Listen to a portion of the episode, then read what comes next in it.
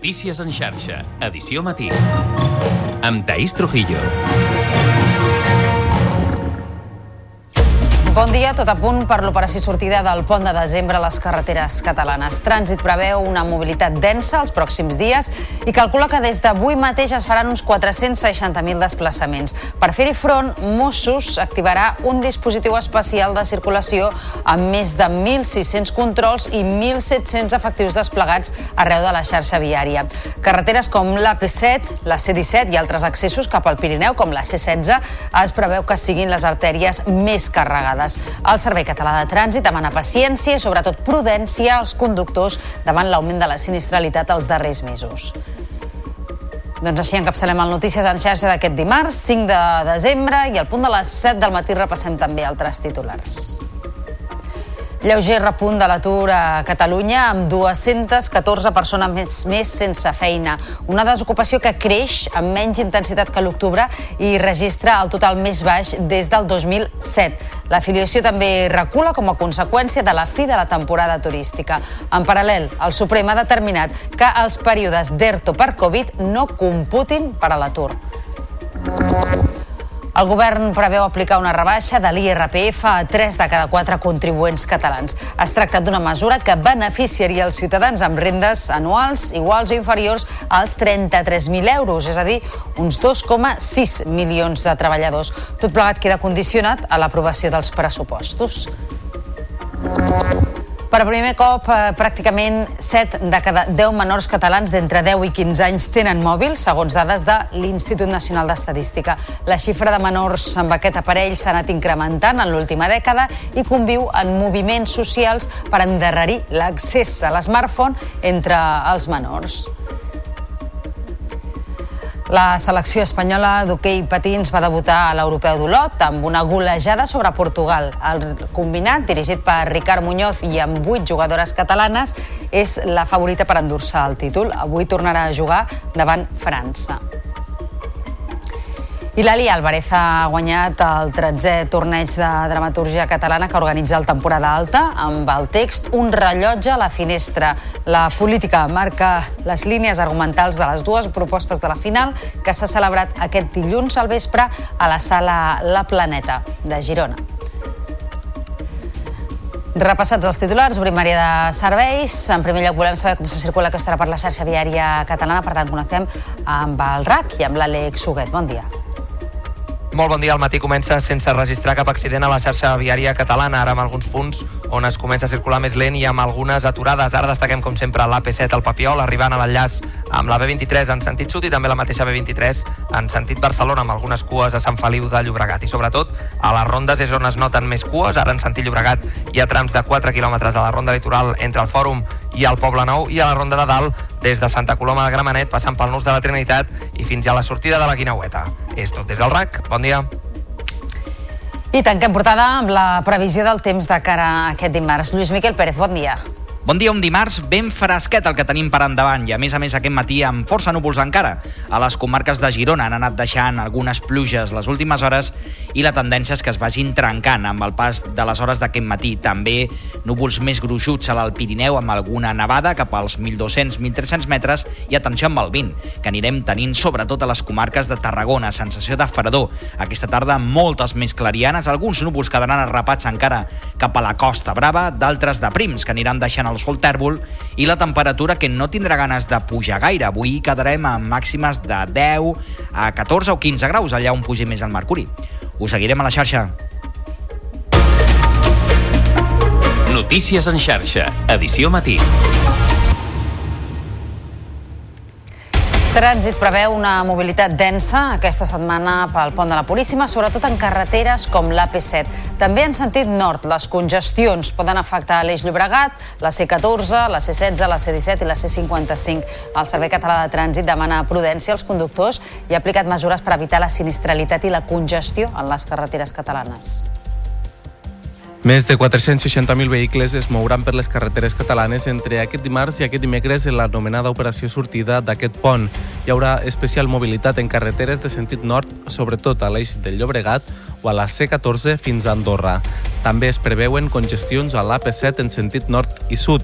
Per això hi haurà un carril addicional en sentit nord des de Montornès fins a Hostalric.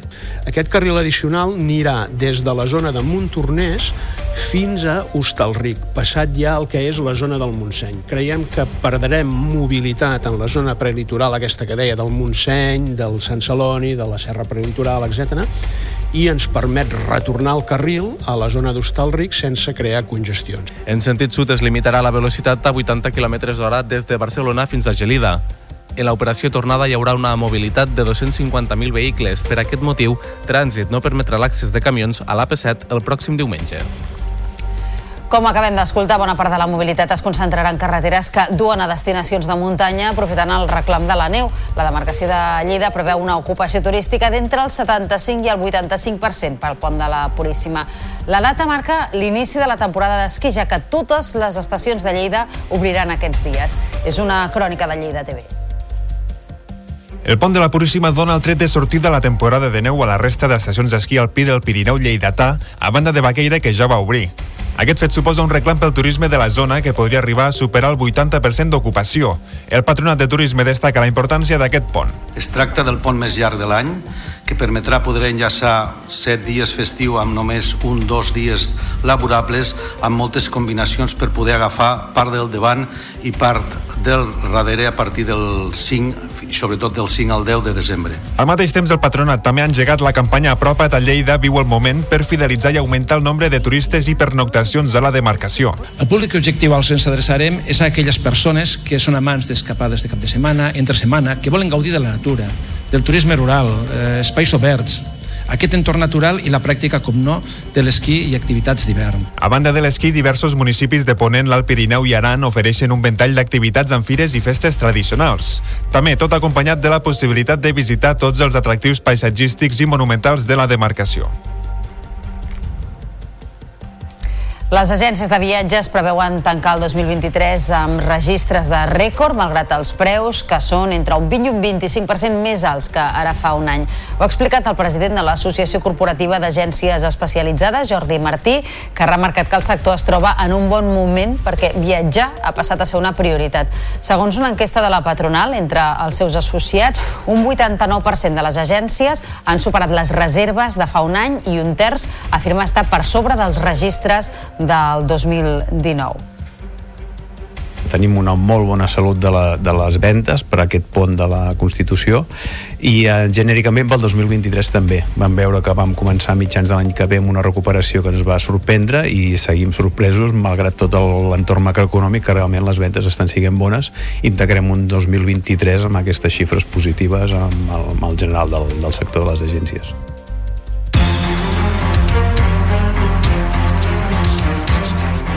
Tot i perdre 11.500 cotitzants a la Seguretat Social aquest mes de novembre és el segon de la sèrie històrica amb la caiguda més gran de l'atur en el conjunt d'Espanya. A Catalunya, amb un lleuger repunt de 214 persones més registrades a l'atur, l'increment de la desocupació gairebé no es nota. I a poques setmanes per tancar l'any es ratllarà la xifra de 21 milions de treballadors en actiu. Ens ho explica l'Anna Ruiz.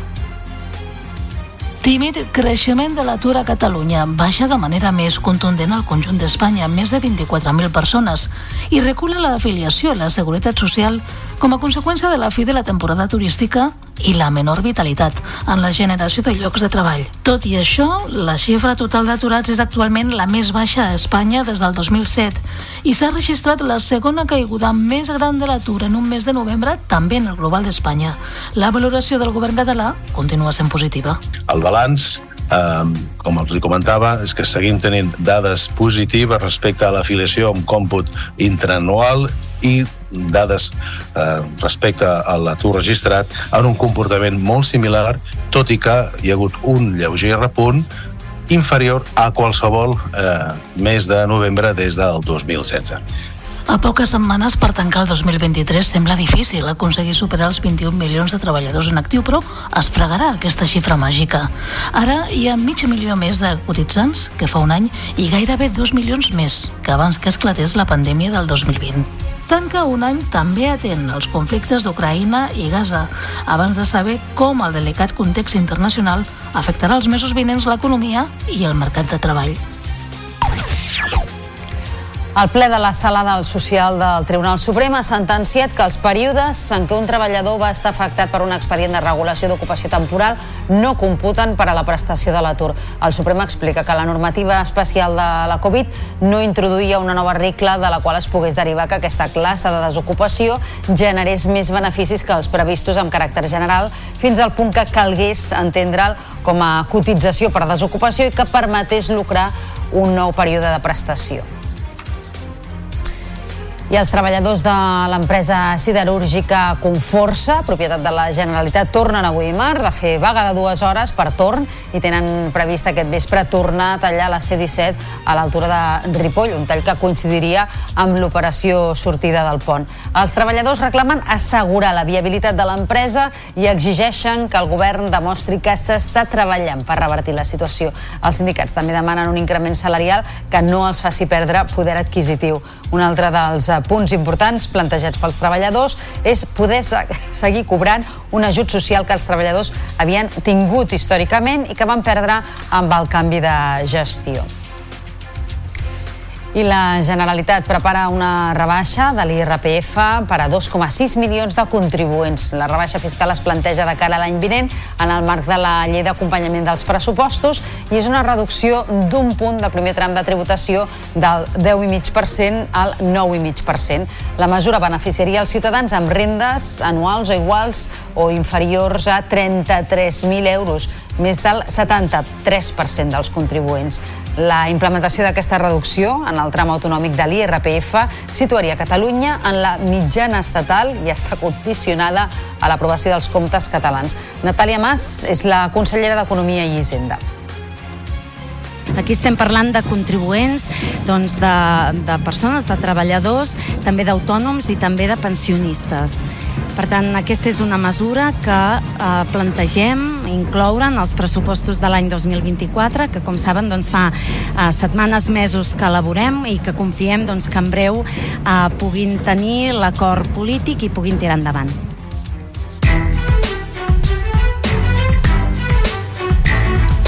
Camí ara d'un quart de vuit del matí, falten 3 minuts. Eh, 7 de cada 10 menors catalans d'entre 10 i 15 anys ja tenen mòbil, segons dades de l'Institut Nacional d'Estadística. Les xifres s'han anat incrementant en l'última dècada, sobretot des de la pandèmia de la Covid i davant dels nombrosos estudis que constaten els perjudicis que els provoca, han sorgit diversos moviments socials per endarrerir l'accés als telèfons intel·ligents. Ens ho explica la Maite Polo. La difusió d'aquestes dades arriba pocs dies després del naixement del moviment Adolescència Lliure de Mòbil. Fa campanya perquè les famílies endarrereixin l'accés a l'smartphone fins als 16 anys. En paral·lel, dues professores han registrat al Congrés una petició popular amb més de 63.000 firmes per restringir l'ús dels mòbils als menors dels 14 anys. El professor d'Enginyeria Informàtica del Tecnocampus de Mataró, Jordi Boix, ha explicat a la xarxa algunes de les claus de l'addicció a les pantalles. Un és el, el FOMO, que és el, el por, la por a perdre alguna cosa, no? Nosaltres tenim por sempre a perdre coses. Per això estem sempre veient notícies, xarxes socials, de dir, no a ser el último que me entero de algo, no? I la segon punt és el contingut és molt dinàmic, contingut molt curt, que passa molt ràpidament i, i, i no pares de rebre estímuls. És següent, següent. No, hi ha, no pots avorrir-te perquè si el contingut no t'agrada, simplement passes al següent. També des de la xarxa, el psicòleg infantil de l'Hospital Sant Joan de Déu, Francisco Villar, ha advertit dels perills que corren els nens i nenes amb accés obert a internet. Que no és una porta que obris tu al món, és una porta que obres al món al teu fill. Llavors, a partir d'aquí, les poses en un moment en el que no es pot defensar a tot tipus d'intencionalitat de tota mena de l'exposició a la pornografia, de l'exposició a l'assetjament dels iguals, de l'exposició fins i tot a pederàstia. El psicòleg convida mares i pares a preguntar-se per què van entregar un mòbil als seus fills. L'Hospital de la Vall d'Hebron de Barcelona ha estrenat un nou espai per atendre pacients politraumàtics greus que ingressen a urgències de traumatologia, rehabilitació i cremats. Es coneix com a Trauma Center i té com a objectiu reduir el temps d'espera des que els pacients arriben a l'hospital fins que són intervinguts. La nova instal·lació està en ple funcionament des de finals de novembre i és un pas endavant en la implementació del nou model d'atenció als pacients on són els professionals els que es traslladen. En la inauguració del servei, el conseller de Salut, Manel Balcells, ha destacat que pot ajudar a salvar vides com la de l'Òscar, un dels primers pacients que hi ha estat assistit Aquesta remodelació del Trauma Center, el fet de poder amb el, des de l'helicòpter fins al quiròfan, que sigui dos minuts en comptes de 15, pot significar la vida o la mort del pacient. Estoy aquí vivo y estoy muy contento con, con el equipo que realmente pues me ha sacado para adelante.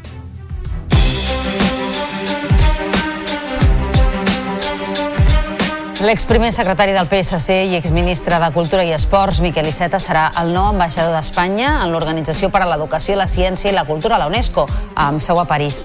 El català haurà de deixar l'acte de diputat al Congrés que ostenta en l'actualitat, atès que l'escó és incompatible amb el nou càrrec. El Consell de Ministres preveu aprovar el seu nomenament avui mateix. Iceta substituirà en el càrrec el també exministre de Cultura, José Manuel Rodríguez Uribes. A banda dels seus anys d'activitat al Parlament de Catalunya, també també havia estat ministre de Política Territorial i Funció Pública entre el gener i el juliol de 2021. Junts per Catalunya es mostra orgullosa de la reunió amb el PSOE perquè assegura que s'ha avançat més en 30 dies que en 3 anys i rebutja negociar amb una mateixa taula amb Esquerra Republicana, tal com desitja el president del govern Pedro Sánchez. El portaveu de Junts per Catalunya, Josep Rius, s'ha mostrat molt satisfet de la reunió amb el PSOE a Suïssa. Assegura que és un canvi de paradigma respecte al que feia Esquerra fins ara i que s'estan complint fil per randa els acords assolit amb els socialistes. Junts per Catalunya ha negociat una taula, ha negociat una taula real i efectiva de negociació amb un, amb un mecanisme internacional de verificació que no hi havia sigut fins ara. Això és un canvi de paradigma respecte al que hi havia hagut, eh, el que hi ha hagut, el que havia hagut aquests darrers quatre anys D'altra banda, el PSC s'ha afegit a les crítiques al Partit Popular per haver qüestionat el verificador salvadorenc expert en guerrilles Francisco Galindo pel seu origen de naixement. Elia Tortolero n'és la portaveu. Que en comptes de posar-se en temes com aquest no? i fer declaracions tan desafortunades com la que ha fet, el que s'ha de posar és a treballar per renovar el Consell General del Poder Judicial. Junts per Catalunya ha rebutjat seure de costat amb Esquerra davant el PSOE en una sola taula, com demana ara Pedro Sánchez, tot insistint en que van ser aquests dos partits que no els hi van voler en el seu moment. Demà és 6 eh, de desembre, dia de la Constitució, i ahir a Barcelona la delegació del Govern a Catalunya va organitzar una celebració pel 45è aniversari amb un fort component polític. A l'acte celebrat al Museu Marítim hi va assistir Maria Teresa Fernández de la Vega, membre permanent del Consell d'Estat i ex-vicepresidenta en temps de José Luis Rodríguez Zapatero. En la ponència que va oferir sobre la Constitució va voler deixar en evidència l'estratègia de crispació i bloqueig del Partit Popular justament quan fa 5 anys anys que no es renova el Consell General del Poder Judicial. A l'acte no hi va assistir ningú de la Generalitat i també es va absentar volgudament els representants del Partit Popular, Vox i Ciutadans. Notícies en xarxa. Tota la informació al teu abast. La Guàrdia Urbana de Badalona ha posat en marxa el nou grup especial d'intervenció policial, una evolució, una evolució de l'antiga unitat Omega que el PP va impulsar el 2011. Aquesta nova unitat eh, la formen 18 agents en torn de tarda i nit per atendre situacions conflictives relacionades amb la seguretat, la convivència i l'incivisme. L'alcalde Xavier García Albiol diu que aquest nou servei fa un pas endavant perquè també n'atendrà d'altres de caire administratiu com controls de disciplina urbanística en establiments. A més, el Biol reivindica la importància de reforçar la seguretat a la ciutat. Aquells que diuen no, és que estan obsessionats amb la policia o sigui, no, jo no estic obsessionat amb la policia jo estic obsessionat de que els carrers de Badalona siguin segurs i per mi no hi ha res millor que poder veure cada cantonada de Badalona m'agradaria veure un agent de la Guàrdia Urbana, si pogués ser. Un excap de colla dels castellers de Barcelona ha admès haver abusat sexualment de nou nenes adolescents mentre era tècnic de canalla de l'entitat. Ho ha fet en el judici que ha començat a l'Audiència de Barcelona. L'acusat, perquè la Fiscalia demanava inicialment 39 anys i dos mesos de presó, ha acceptat els fets denunciats per les noies i una rebaixa fins als 10 anys i mig de presó. Com que per cap dels delictes se li demana un mínim de dos anys de reclusió, l'home podria acabar evitant l'ingrés a un centre penitenciari. Al seu torn, els castellers de Barcelona han informat que l'excap de colla ha quedat expulsat definitivament de l'entitat. I un entrenador d'atletisme de Vic ha reconegut a l'Audiència de Barcelona que l'any 2008 va abusar sexualment d'una menor d'edat a la qual entrenava. El reconeixement dels fets i el compromís de pagar 15.000 euros d'indemnització a la víctima han fet rebaixar la petició de la Fiscalia de 23 anys a 5 anys de presó que haurà de complir. No podrà apropar-se ni comunicar-se amb la víctima durant els 5 anys posteriors a la presó.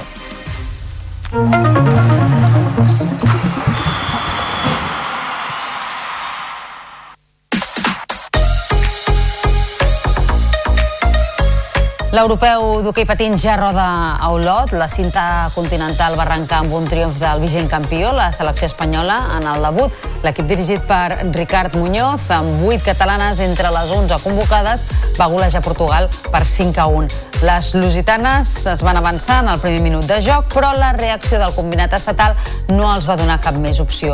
Aina Florenza, amb un doblet, Ana Casarramona, Sara González i Sara Roces van ser les autores dels gols que van significar els primers tres punts a la competició. Avui, en la segona jornada, la selecció espanyola s'enfrontarà a França, que va debutar amb una derrota davant Itàlia. I la infermeria del Barça no s'acaba de buidar i l'atenció se centra en la lesió de Marc-André Ter Stegen. L'alemany va tornar de l'aturada amb problemes a les lumbars i des d'aleshores no ha pogut tornar a jugar cap partit. El proter i els serveis mèdics decidiran en els propers dies si opten per continuar amb el tractament conservador o bé passar per quiròfan, una opció que el mantindria fins a dos mesos de baixa. Per altra banda, el club ha confirmat la lesió muscular a la cuixa dreta d'Iñigo Martínez. El defensa basc serà baixa fins a final d'any i es perdrà els partits contra el Girona, l'Anvers i el València. La Yamal ha rebut el Premi de Youngest, otorgat en la gala del Golden Boy. El guardó reconeix el blaugrana de 16 anys com el jugador més jove en entrar a la llista de candidats al trofeu. El rotatiu italià també ha premiat Aitana Bonmatí amb el Golden Player Women, que la designa la millor jugadora de l'any. La migcampista no va poder assistir a la gala perquè està concentrada amb la selecció. Siempre digo que los premios individuales no vienen eh, sin un gran trabajo colectivo. He tenido la suerte este año de ganar eh, la Champions con el Barça, el Mundial con la selección, así que todo se lo debo a mis compañeras, staff y trabajadores con los que he compartido estos años y todos los de atrás. I avui arrenca la segona ronda de la Copa del Rei en què hi prendran part tres equips catalans, l'Espanyol, el Girona i el Terrassa. Els primers en jugar seran els blanquiblaus, que rebran el Valladolid aquesta nit a les 9 a l'Stage Front Stadium. Els de Luis Miguel Ramis volen passar pàgina de la derrota a Oviedo amb un triomf davant un equip que a la Lliga és un rival directe en la lluita per l'ascens. El tècnic tindrà les baixes de Lazo, Víctor Ruiz i Melamed. Bueno, partido pasado pasó, lo hemos analizado, lo hemos reflexionado, lo hemos sufrido, eh, hemos visto eh, las correcciones a las que tenemos que llegar y encaramos el partido de mañana, pues como no puede ser otra forma, con mucha ilusión de hacer las cosas bien y de superar una ronda de una competición que, que nos gusta y que vamos a valorar. Demà hi ha jornada intersetmanal de l'hoquei Lliga d'Hoquei Patins. El Finques Prats Lleida visita el líder al Barça, que encara no ha perdut aquesta temporada. Edu Amat no podrà comptar amb Sergi Folguera per sanció. Més dades des de Lleida TV, Aleix Vergés. El Finques Prat Lleida no s'atura i ja pensa en el seu pròxim duel davant el favorit d'aquesta o que lliga el Barça. Edu Amat recupera a Nico Ojeda després de complir el seu partit de sanció, tot i que encara no pot comptar amb Sergi Folguera, que retornarà el diumenge davant el Reus, ja que ell té dos partits de sanció. Els lleidatans, sense res a perdre, visiten el Palau Blaugrana davant un Barça que encara no ha perdut. Sí, sí, la verdad que estamos en una seguidilla de muchos partidos en la que no nos podemos quedar pensando en el partido que pasó, así que, mm, como decís vos, es pasar página, ya pensar en Barcelona, que sin duda vamos a ir allá a dar batalla, a vender cara a la piel, así que todavía sin Folguera, pero bueno, yo creo que, que podemos hacer un buen partido allá. Un Finques Prat Lleida que s'haurà de centrar en ell mateix i no regalar perquè davant aquests equips els errors es paguen molt cars. El partit es disputa aquest dimecres a dos quarts d'una del migdia.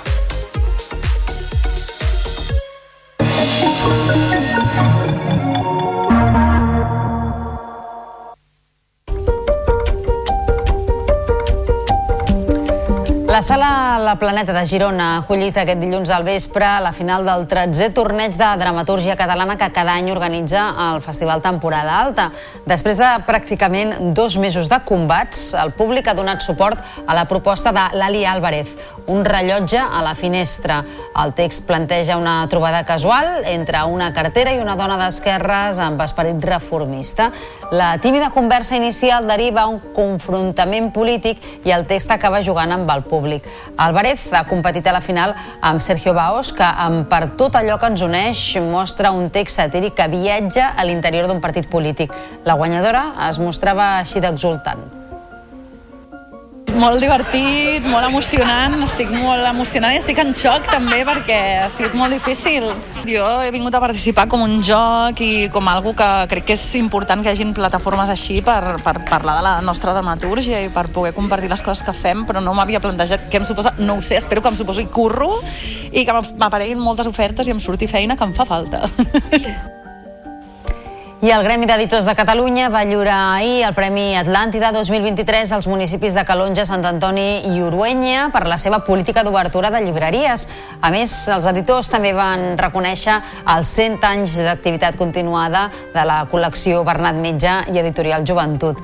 Abans de l'entrega dels premis, es va anunciar que el sector editorial preveu incrementar les vendes un 12% aquest 2023, arribant fins als 130 milions d'euros.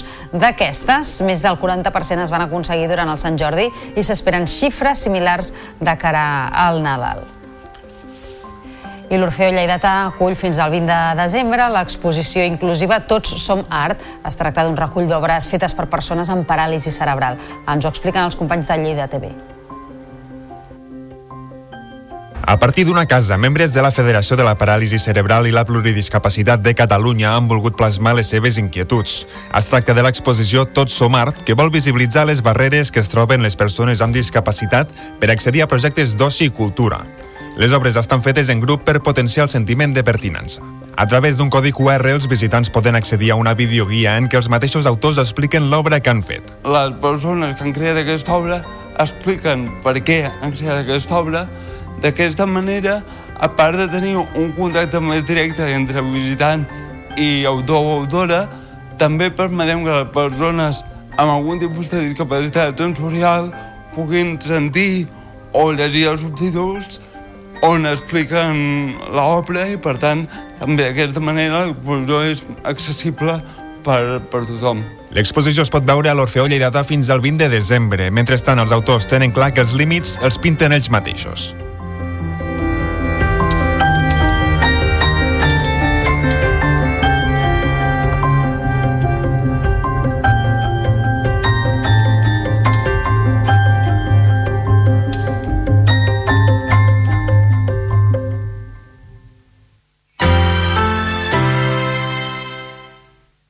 La xarxa de comunicació local.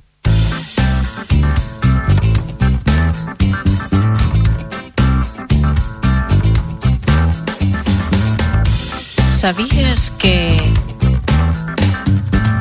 Què engreixa més, l'oli d'oliva o la mantega? Tenint en compte que l'oli d'oliva es compon principalment per greixos, existeix la creença popular que engreixa molt. Doncs això és un fals mite. L'oli d'oliva no afavoreix l'augment de pes sempre que es consumeixi de forma moderada. Es tracta d'un aliment d'origen vegetal, de manera que no té colesterol. Això és un gran punt a favor per la cura de la salut cardiovascular. En comparació amb altres olis com el de girassol, el contingut en àcids grassos monoinsaturats és molt alta, 70 grams per cada 100. D'ells, la proporció més gran correspon a l'àcid gras omega-9, que enforteix protegeix el sistema immunològic i redueix els nivells de colesterol. A més, té propietats antioxidants en ser una font rica de vitamina E. L'oli d'oliva és un aliment molt calòric i aporta 884 calories per cada 100 grams. La recomanació dels experts és consumir 40 mil·lilitres al dia per gaudir de tots els seus beneficis. Per part de la mantega, hi ha diversos mites que és important desmentir. La margarina és més sana? Sempre s'ha fet creure que la margarina és millor per la salut que la mantega, però no és gaire clar si això és així. Alguns experts assenyalen que la mantega és més sana en no incloure greixos trans, mentre que altres asseguren que la margarina és més sana en tenir menys greixos saturats. La veritat és que totes dues tenen la mateixa proporció de greixos, amb l'única diferència que tenen una procedència diferent. També es diu que la mantega engreixa més que l'oli d'oliva. Això tampoc és així, ja que tots dos aliments tenen pràcticament la mateixa aportació calòrica.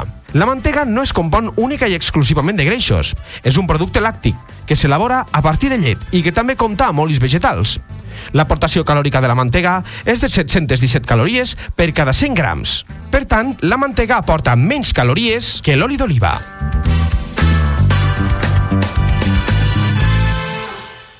La xarxa.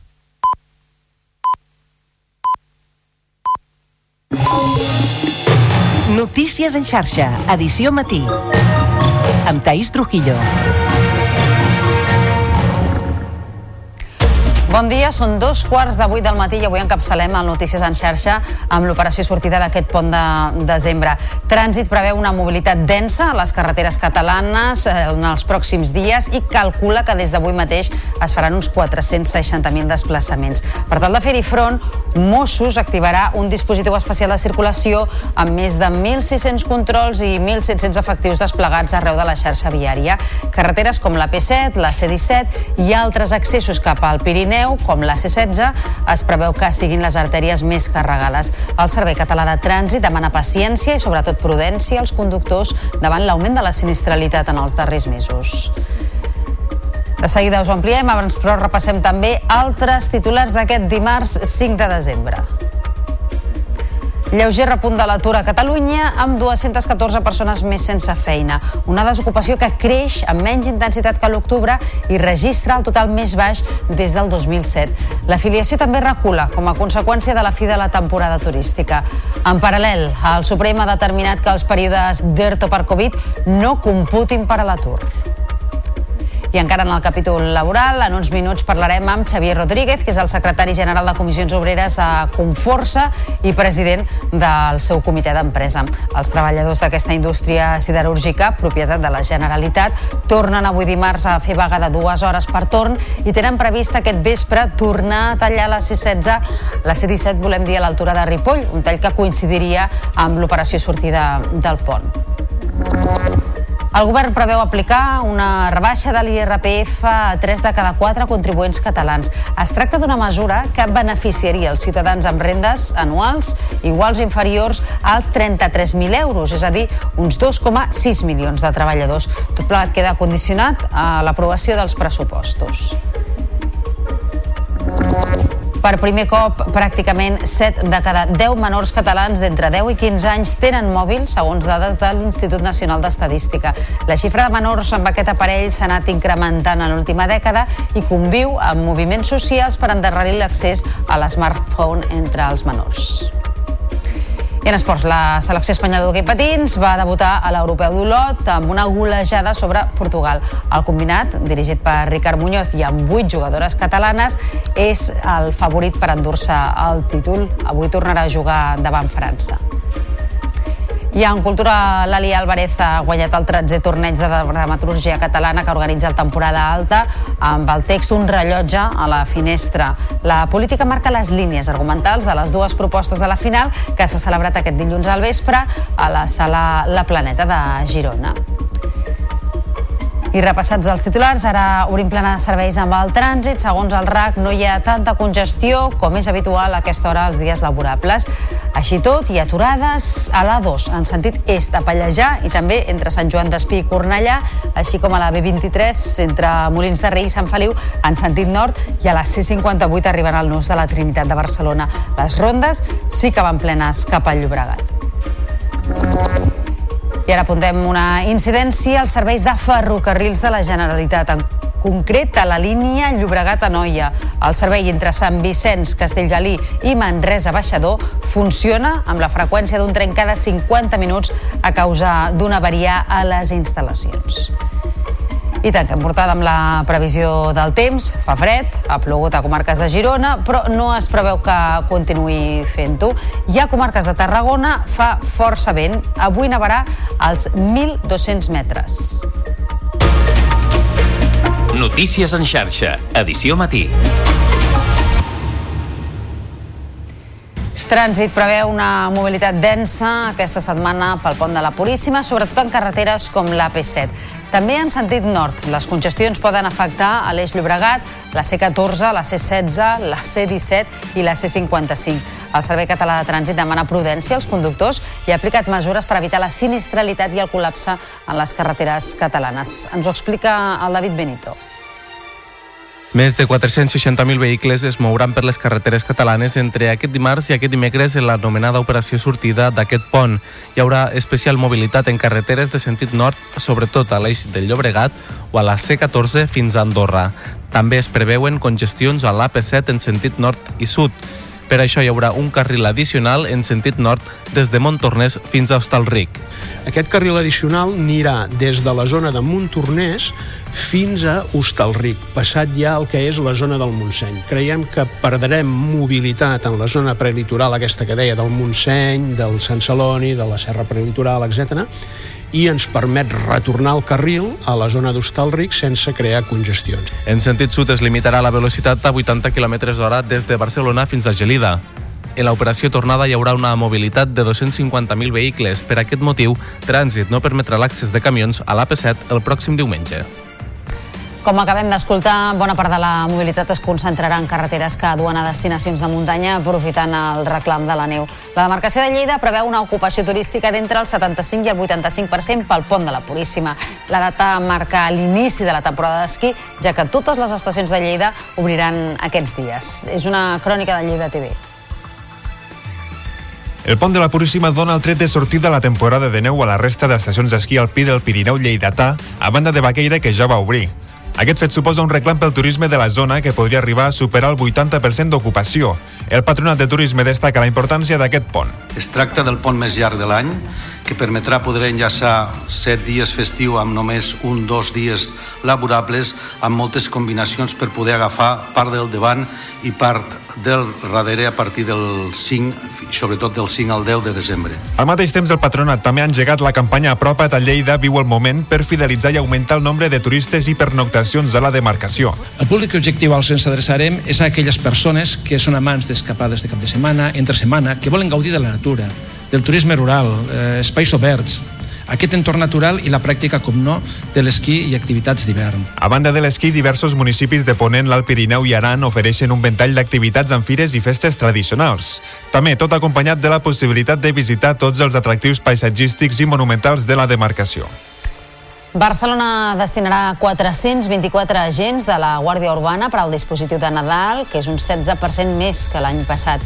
L'objectiu del cos és garantir la mobilitat, la seguretat i la convivència durant les festes nadalenques, amb el focus posat en zones de més afluència, com ara els eixos comercials o les àrees turístiques. S'incrementaran els controls d'alcoholèmia o drogues als conductors i es farà una campanya específica als vehicles de mobilitat personal.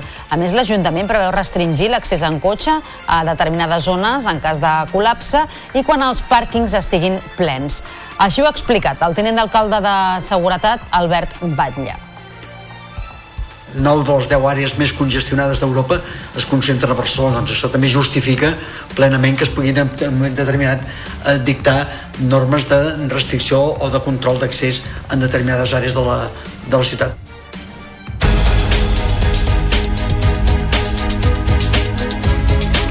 Tot i perdre 11.500 cotitzants a la Seguretat Social aquest mes de novembre és el segon de la sèrie històrica amb la caiguda més gran de l'atur en el conjunt d'Espanya. A Catalunya, amb un lleuger repunt de 214 persones més registrades a l'atur, l'increment de la desocupació gairebé no es nota. I a poques setmanes, per tancar l'any, es ratllarà la xifra de 21 milions de treballadors en actiu. Ens ho explica l'Anna Rull. Tímid creixement de l'atur a Catalunya baixa de manera més contundent al conjunt d'Espanya, més de 24.000 persones, i recula l'afiliació a la Seguretat Social com a conseqüència de la fi de la temporada turística i la menor vitalitat en la generació de llocs de treball. Tot i això, la xifra total d'aturats és actualment la més baixa a Espanya des del 2007 i s'ha registrat la segona caiguda més gran de l'atur en un mes de novembre, també en el global d'Espanya. La valoració del govern català continua sent positiva.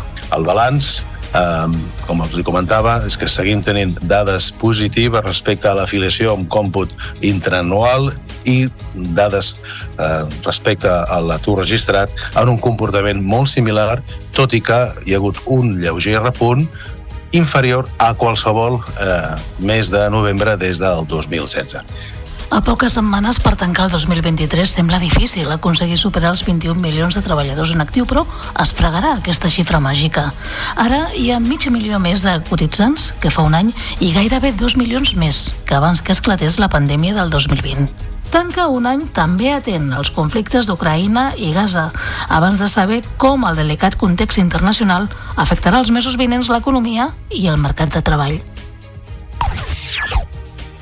El ple de la sala del social del Tribunal Suprem ha sentenciat que els períodes en què un treballador va estar afectat per un expedient de regulació d'ocupació temporal no computen per a la prestació de l'atur. El Suprem explica que la normativa especial de la Covid no introduïa una nova regla de la qual es pogués derivar que aquesta classe de desocupació generés més beneficis que els previstos amb caràcter general fins al punt que calgués entendre'l com a cotització per desocupació i permetés lucrar un nou període període de prestació. I encara en l'àmbit laboral, nova aturada avui dels treballadors de la siderúrgica com força Campdevant o el Ripollès. Els 300 empleats d'aquesta indústria protesten des de divendres passat perquè demanen que l'empresa, que és propietat de la Generalitat, sigui més àgil i pugui així garantir la seva viabilitat. Xavier Rodríguez és el secretari general de Comissions Obreres a Conforça i també el president del seu comitè d'empresa. Senyor Rodríguez, molt bon dia. Molt bon dia. El que els preocupa... Molt bon dia. El que els preocupa és que amb el model de gestió actual l'empresa com força no, no tingui futur, no? Per què? Mm, bàsicament perquè som una empresa de titularitat pública però, i, però funcionem mercantilment. Si hem de funcionar com la funció pública, el tema de contractació no s'agilitza, va molt lent perquè és, ha de ser públic i molt estricte, el tema de, de licitacions, vaja, en definitiva, tot el que el funcionament de l'empresa com hi hem tingut fins ara. No uh -huh. podem funcionar com, com diguéssim, com, com ferrocarrils de la Generalitat. Perquè hi ha hagut un no canvi, àgil. eh? Uh -huh. Bueno, això ve arran d'una auditoria que va fer la intervenció general de la Generalitat, que incomplíem certs punts, i bàsicament són aquests punts. I, clar, o s'ha de fer una esmena a la llei de pressupostos de la Generalitat, o s'ha de fer alguna cosa perquè puguem funcionar com fins ara. El que no poden fer és ficar-nos pals a les rodes, perquè la Generalitat creiem que el que ha de fer és donar servei i quin millor servei és donar feina a una comarca que està molt envellida i feina molt precària. Perquè a la pràctica aquesta manera de funcionar, què significa? Que l'empresa no és competitiva? No, no és competitiva perquè si per exemple puja la feina no pots tenir un treballador d'un dia per l'altre. És més lent. concursos públics, sí, és més lent. És molt més lent. El tema de, de repercutir el preu, el preu de, de la peça que fem al client, tres quarts del mateix. O sigui, eh, el preu de l'energia fluctua amunt avall. El preu de la sèrie igual. I tu has de ser àgil en aquest sentit per poder-te adaptar les exigències del client. Si has de fer com una empresa pública, que és licitar-ho tot, que és, és molt lent, al final perds agilitat, el client se'n pot cansar i anar-se'n a buscar un altre proveïdor. Uh -huh. D'una banda hi ha aquesta qüestió del funcionament de l'empresa, després també hi ha les eh, qüestions salarials. No? Vostès demanen un increment de salari, en aquest sentit també hi ha hagut una pèrdua en els eh, darrers temps a conseqüència d'aquests canvis de gestió? Sí, eh, entre l'any 22 i aquest any pràcticament l'IPC és un 10%. En puntes, tant sols l'any passat, molt més del 10%, ai, del 10%, de, aquest 10% eh, tan sols en un any. Què passa? L'any passat ens van pujar només un 2,75 i aquest any un 0%. Varen demanar una bestreta d'un 3% per pal·liar eh, la pujada de, de l'IPC, mentre no poguéssim negociar el conveni amb plenes garanties, que també ens ho limiten. Doncs aquest 3% també ens l'estan negant perquè, segons ells, ens passem ja del 3% de la massa salarial, uh -huh. que ve d'un ajust dels grups professionals, que és llei. Nosaltres entenem que aquesta llei ha de ser al marge d'aquesta massa salarial. Ha d'haver-hi un ajust de llei. Des de divendres... Tampoc, de moment, Sí, digue'm. Des de divendres estan protestant. Hi ha hagut algun acostament amb la Generalitat? Uh, jo vaig tenir, vaig parlar el dissabte passat amb el president de, del Consell d'Administració, però de moment, de moment, o sigui, documents oficials que ens permetin cobrar aquesta bestreta, no hi ha res. O sigui, ha d'haver-hi una autorització de pagament i fins que no hi hagi aquesta autorització de pagament, nosaltres no farem assemblea per desconvocar. Per tant, Avui hi ha una nova aturada a l'empresa. Tenen previst també, coincidint amb aquesta operació sortida del pont de la Puríssima a la Constitució, fer un nou tall de trànsit a la, a la C-17 a Ripoll?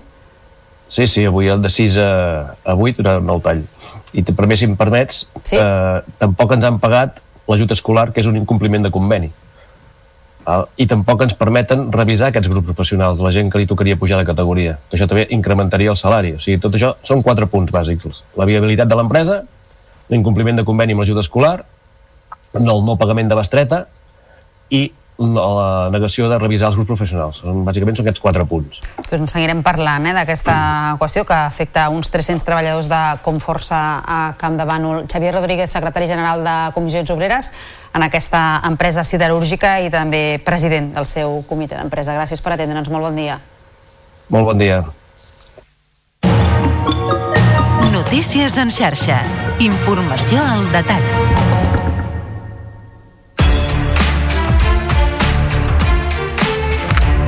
Són ara tres quarts de vuit del matí. Set de cada deu menors catalans d'entre 10 i 15 anys ja tenen mòbil, segons dades de l'Institut Nacional d'Estadística. La xifra s'ha anat incrementant en l'última dècada, sobretot des de la pandèmia de la Covid, i davant dels nombrosos estudis que constaten els perjudicis que els provoca, han sorgit diversos moviments socials per endarrerir l'accés als telèfons intel·ligents. Un d'ells és el grup Adolescència Lliure de Mòbil, que proposa a les famílies endarrerir l'accés a l'smartphone als 16 anys i dues professores han registrat al Congrés una petició popular amb més de 63.000 firmes per restringir l'ús de mòbils amb menors de 14 anys.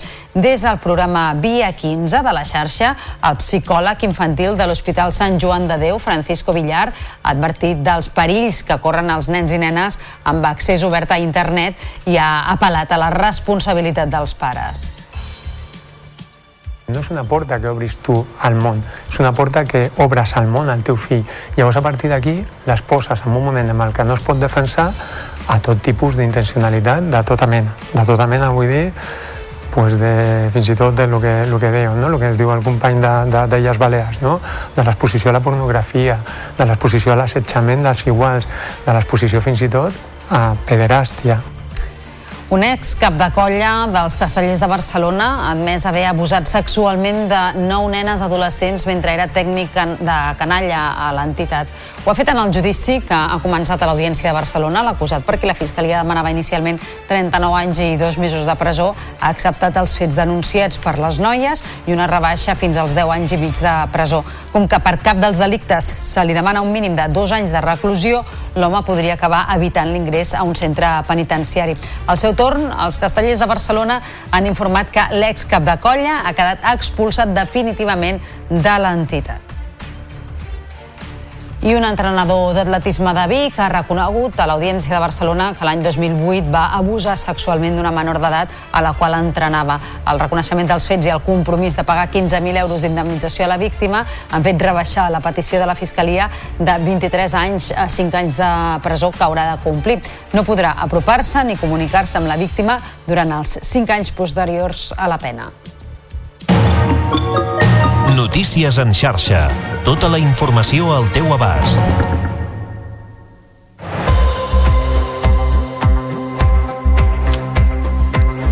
El nou pavelló de Fira Gran Via de l'Hospitalet es dirà Hall Zero i tindrà 60.000 metres quadrats distribuït en dues plantes. Permetrà que Fira Gran Via creixi fins als 300.000 metres quadrats i pugui així competir amb els equipaments firals més importants del món per atraure nous salons o acollir diversos certamans simultanis. L'edifici, que es preveu que s'enllesteixi al 2026, connectarà amb els pavellons ja existents i l'entrada principal al recinte firal a través d'una passarel·la elevada per sobre de l'avinguda Joan Carles I. En les darreres hores s'ha posat la primera pedra de l'ampliació amb la presència del president de la Generalitat, Pere Aragonès.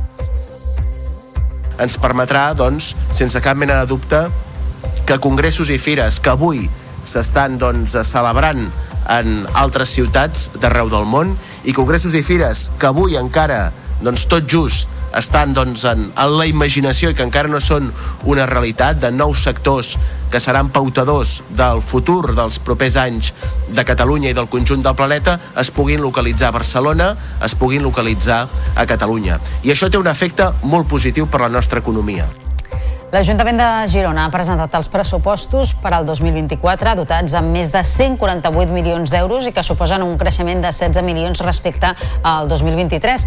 Els nous comptes se sotmetran a votació el proper 18 de desembre i il·lustren els 64 acords del tripartit. Ens ho expliquen des de la televisió de Girona. El govern tripartit de Guanyem Junts i Esquerra ha elaborat uns pressupostos per al 2024 de 148 milions 700.000 euros. D'aquests se'n destaquen les inversions amb 5 milions 800.000 euros.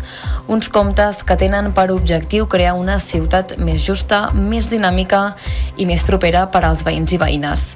Per fer-ho, des del govern han establert una sèrie de partides destinades a habitatge i també a accessibilitat.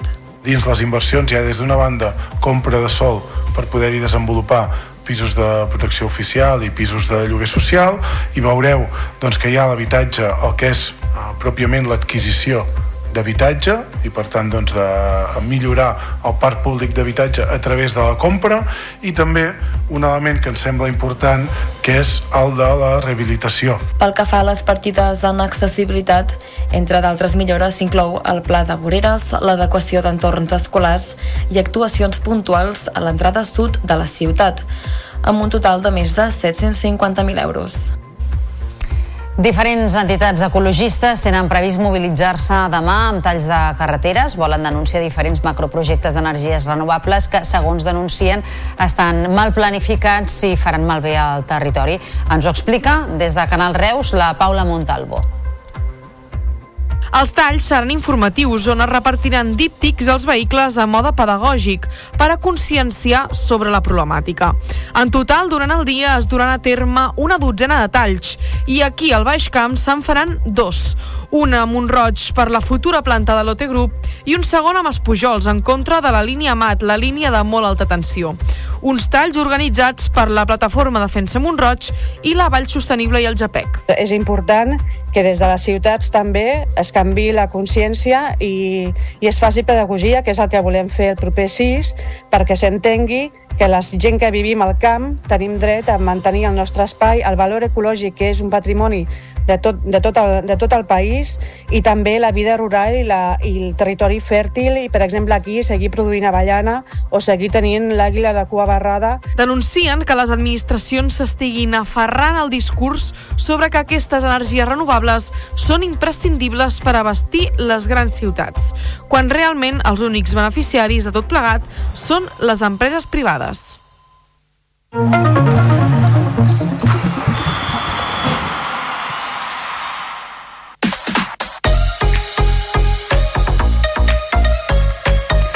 L'europeu d'hoquei patins ja roda a Olot. La cita continental va arrencar amb un triomf del vigent campió, la selecció espanyola, en el debut. L'equip dirigit per Ricard Muñoz, amb 8 catalanes entre les 11 convocades, va golejar Portugal per 5 a 1. Les lusitanes es van avançar en el primer minut de joc, però la reacció del combinat estatal no els va donar cap més opció. Aina Florença, amb un doblet, Ana Casarramona, Sara González i Sara Roces van ser les autores dels gols que van significar els primers 3 punts a la competició competició. Avui en la segona jornada la selecció espanyola s'enfrontarà a França que va debutar amb una derrota davant Itàlia.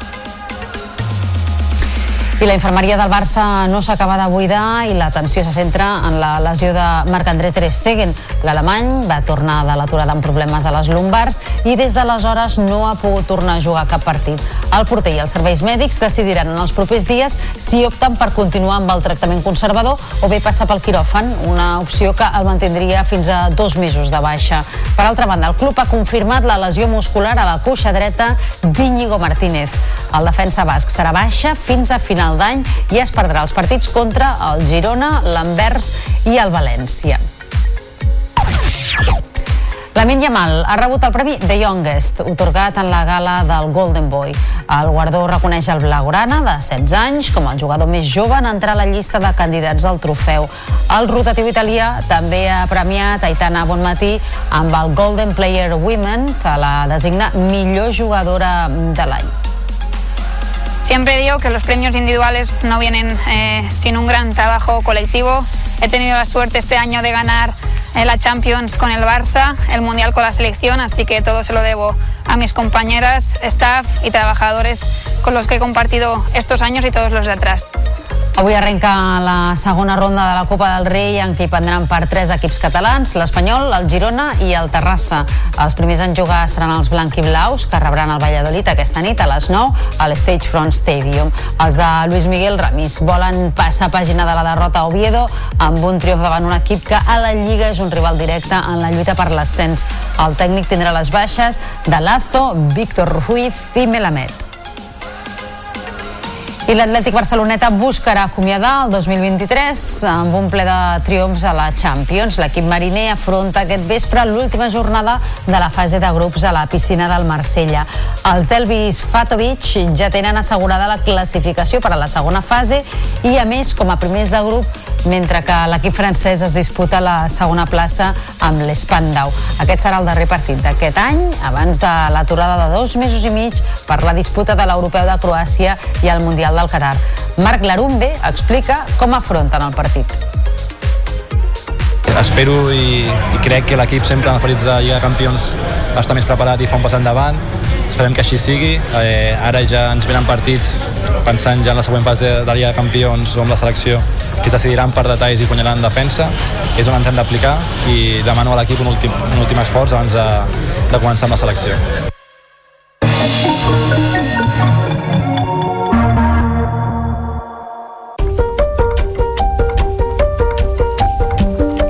La sala La Planeta de Girona ha acollit aquest dilluns al vespre la final del 13è torneig de dramatúrgia catalana que cada any organitza el Festival Temporada Alta. Després de pràcticament dos mesos de combats, el públic ha donat suport a la proposta de l'Àlia Álvarez, un rellotge a la finestra. És un text que planteja una trobada casual entre una cartera i una dona d'esquerres amb esperit reformista. La tímida conversa inicial deriva a un enfrontament polític i el text acaba jugant amb el públic.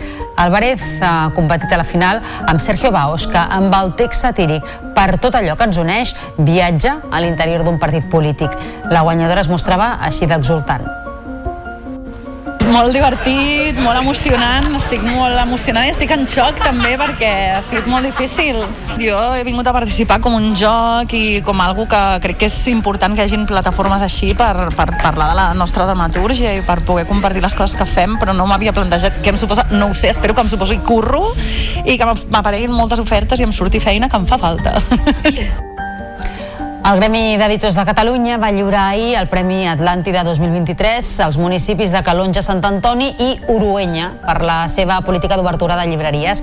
A més, els editors també van reconèixer els 100 anys d'activitat continuada de la col·lecció Bernat Metge i Editorial Joventut. Abans de l'entrega dels premis es va anunciar que el sector editorial preveu incrementar les vendes un 12% aquest 2023, arribant fins als 130 milions d'euros. D'aquestes, més del 40% es van aconseguir durant el Sant Jordi i s'esperen xifres similars pel Nadal.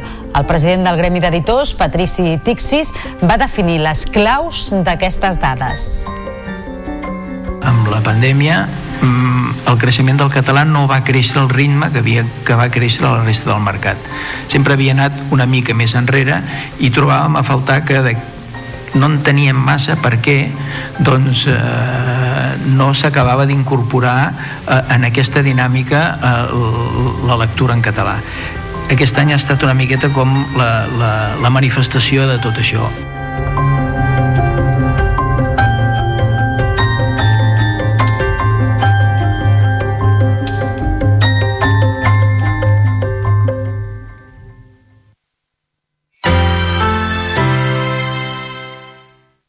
La xarxa de comunicació local. Propostes en xarxa.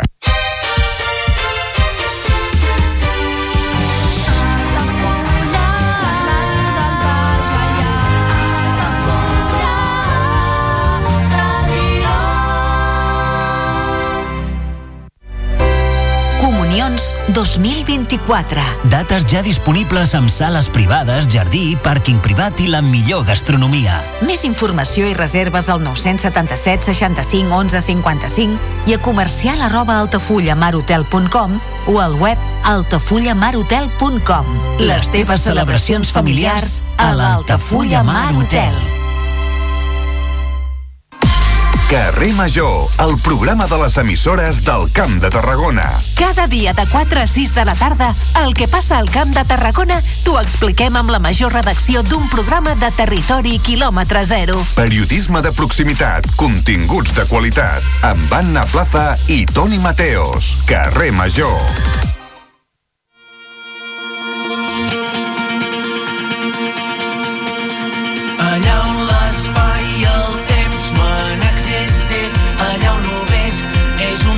Que no està escrit.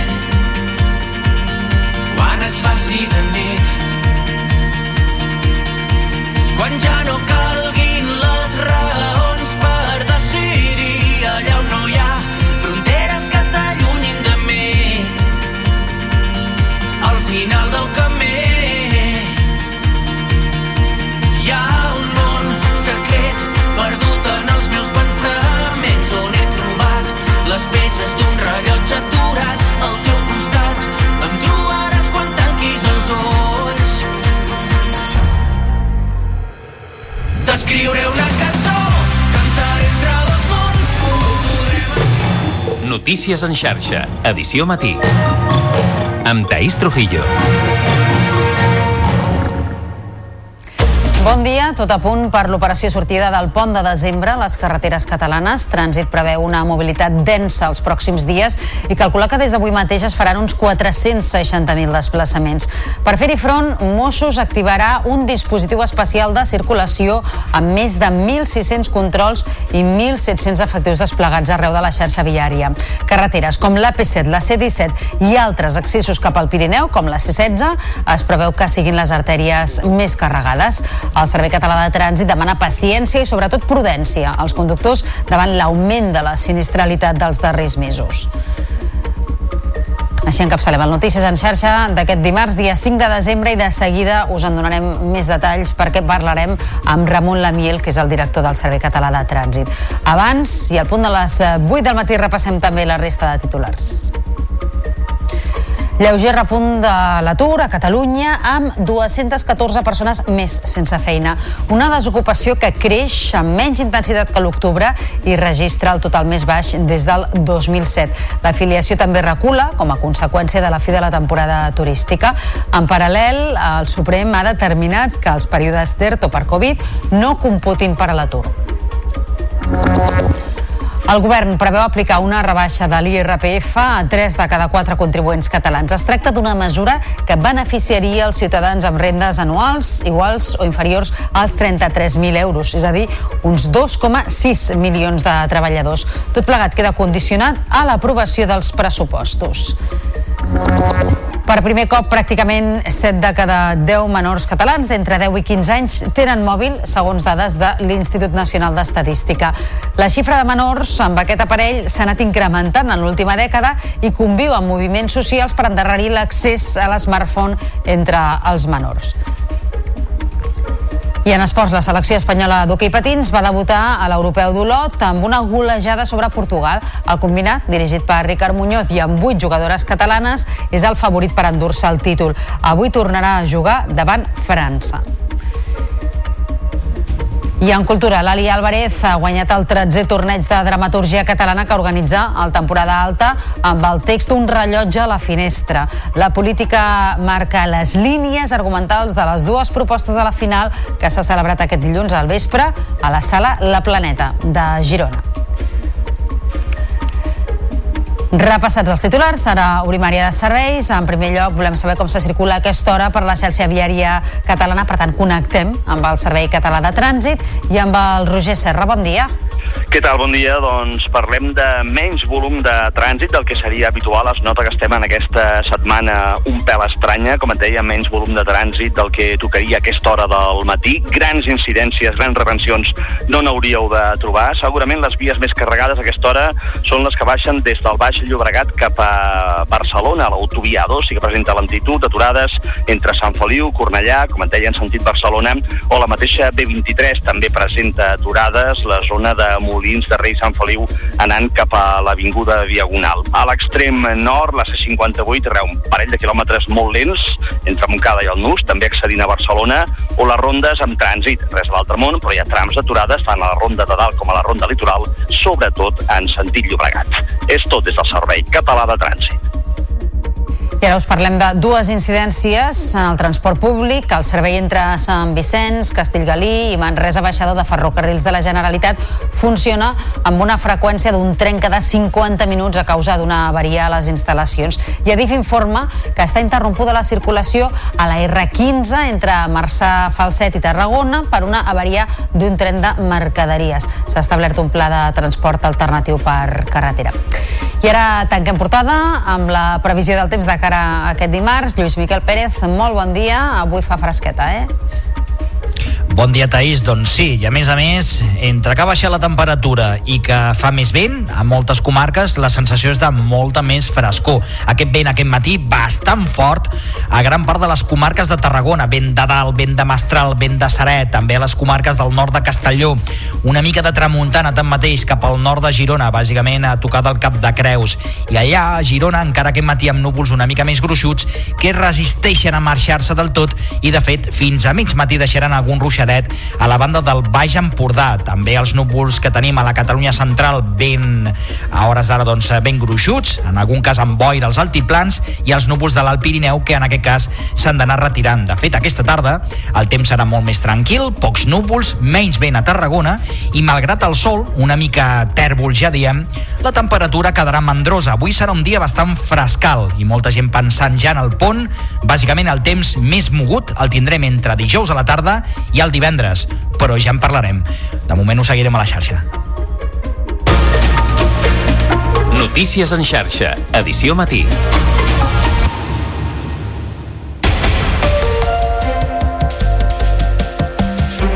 A les 3 d'aquesta tarda comença l'operació sortida del pont de la Puríssima i la Constitució. Des del Servei Català de Trànsit es calcula que sortiran de l'àrea metropolitana de Barcelona 460.000 vehicles. Per parlar de com es preveu que sigui aquest èxode i per aconsellar la millor manera per evitar problemes i retencions, establim ara connexió amb Ramon Lamiel, que és el director del Servei Català de Trànsit. Senyor Lamiel, molt, molt, bon dia. Hola, molt bon dia, moltes gràcies. Tal com ha caigut el pont eh, en aquesta ocasió aquest any, eh, fa preveure que l'afluència a les carreteres serà bastant elevada, no? Doncs sí, es preveu una sortida d'uns 460.000 vehicles, també una distribució de trànsit durant aquests dies d'estada o de vacances en les zones, també en l'àmbit de les vies de la zona, i un retorn el diumenge molt concentrat de les 12 de la tarda fins a les 12 de la nit. Uh -huh. Això vol dir que per molt esglaonadament i per molt bé que els conductors ho vulguin fer, serà inevitable que hi hagi retencions? Hi ha punts de la via que congestionen i congestionen tant en la sortida com en el retorn. I hi ha dies que de l'interior, per exemple, es preveu una mobilitat nord o interior a la C14, a la C16, a la C17, aquestes vies, i la C17 o 160, nacional de 160, per tant, aquestes vies tenen una capacitat com qualsevol via de 1.200 vehicles hora. Un cop se supera aquesta capacitat, hi ha congestió i, per tant, els retorns per aquestes vies cap a l'àrea de Barcelona sí que presentaran congestions. L'A2, també com a, com a via que recull el trànsit de, tant de la C14 com de l'eix del Llobregat, de C16 i C55 també pot presentar-ne, i com és ja un clàssic, esperem també congestions a l'AP7, per això hem preparat unes mesures especials en aquests, en aquests punts viaris que he dit abans, però també a l'AP7 especialment. Uh -huh. I ara fins a 1.600 controls eh, podran evitar tots els sinistres? hem de contenir la sinistralitat i hem de con- contenir la sinistralitat especialment d'un col·lectiu que ens preocupa, ho dèiem ahir i ho hem anat repetint aquests últims dies, que són els motoristes. En aquests moments hi ha 52 eh, persones mortes que conduïen una moto o que anaven en moto i per tant eh, hem de contenir aquestes xifres. Hi haurà controls especialment per al conjunt de vehicles, però també molt dedicat a controlar la conducció de la moto perquè ens preocupa enormement la sinistralitat del moto. Tot i que hi ha xifres de reducció global que són eh, notables en aquests moments, eh, com pot ser una reducció del 16% respecte a l'any 19, quan estem eh, a punt d'aconseguir l'objectiu que és d'una reducció d'un 15%, i una reducció d'un 7% respecte a l'any passat de víctimes mortals. Per tant, les xifres indiquen una tendència eh, bona, però sempre és una bona mala notícia, perquè al final hi ha víctimes i mentre hi hagi una víctima no podem estar mai, mai satisfets. I ja per anar acabant, senyor Lamiel, li volem preguntar també per aquesta qüestió que hem sabut en les últimes hores i és que la Unió Europea, en concret els ministres de Transports de la Unió Europea, han donat llum verda a una proposta que permetria que la gent pogués eh, conduir vehicles a partir dels eh, 17 anys, amb determinades condicions, eh? però a partir dels 17 en comptes de a partir dels 18. Com ho veuen? Això en parlàvem la setmana passada, o fa dues setmanes, recordo, amb la convenció d'autoescoles tot l'estat, no? i per tant era un tema que va sorgir. La conducció als 17 anys no creiem que sigui una, una necessitat imperiosa que ens demani la societat en aquests moments.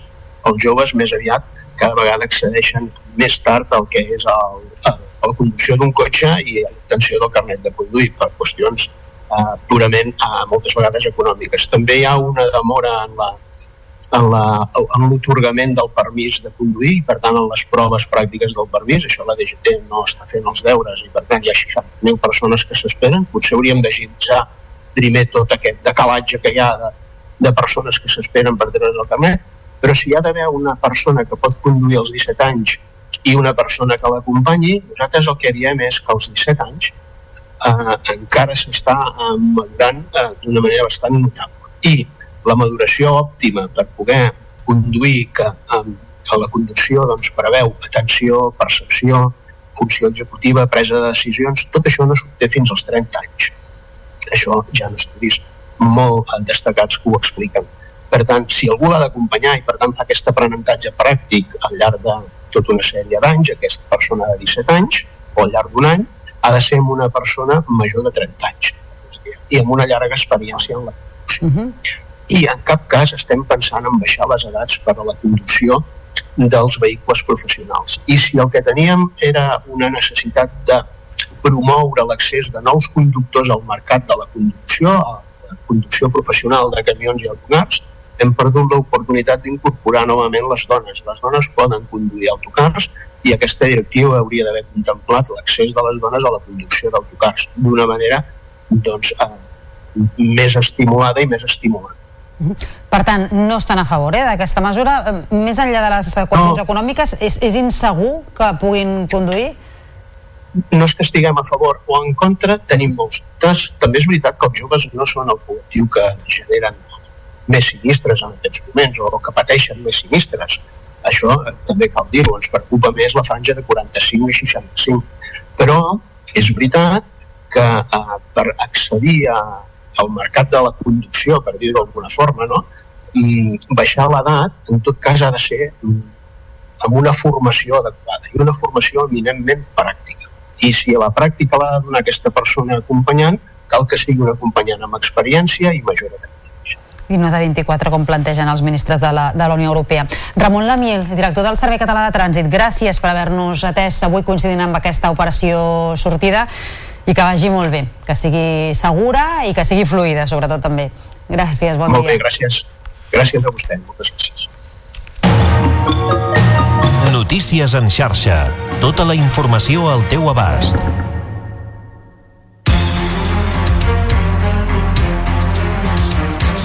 Tot i perdre 11.500 cotitzants a la Seguretat Social aquest mes de novembre és el segon de la sèrie històrica amb la caiguda més gran de l'atur en el conjunt d'Espanya. A Catalunya, amb un lleuger repunt de 214 persones més registrades a l'atur, l'increment de la desocupació gairebé no es nota. I a poques setmanes, per tancar l'any, es ratllarà la xifra de 21 milions de treballadors en actiu. Ens ho explica la nostra companya Anna Ruiz.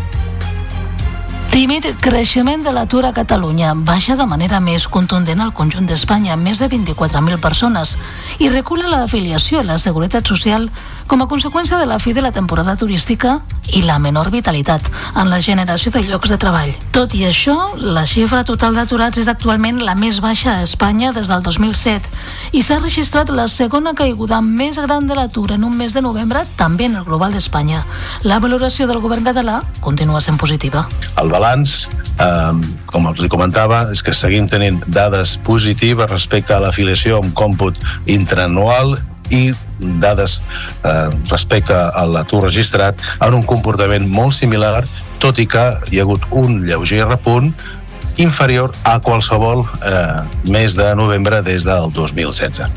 A poques setmanes per tancar el 2023 sembla difícil aconseguir superar els 21 milions de treballadors en actiu, però es fregarà aquesta xifra màgica.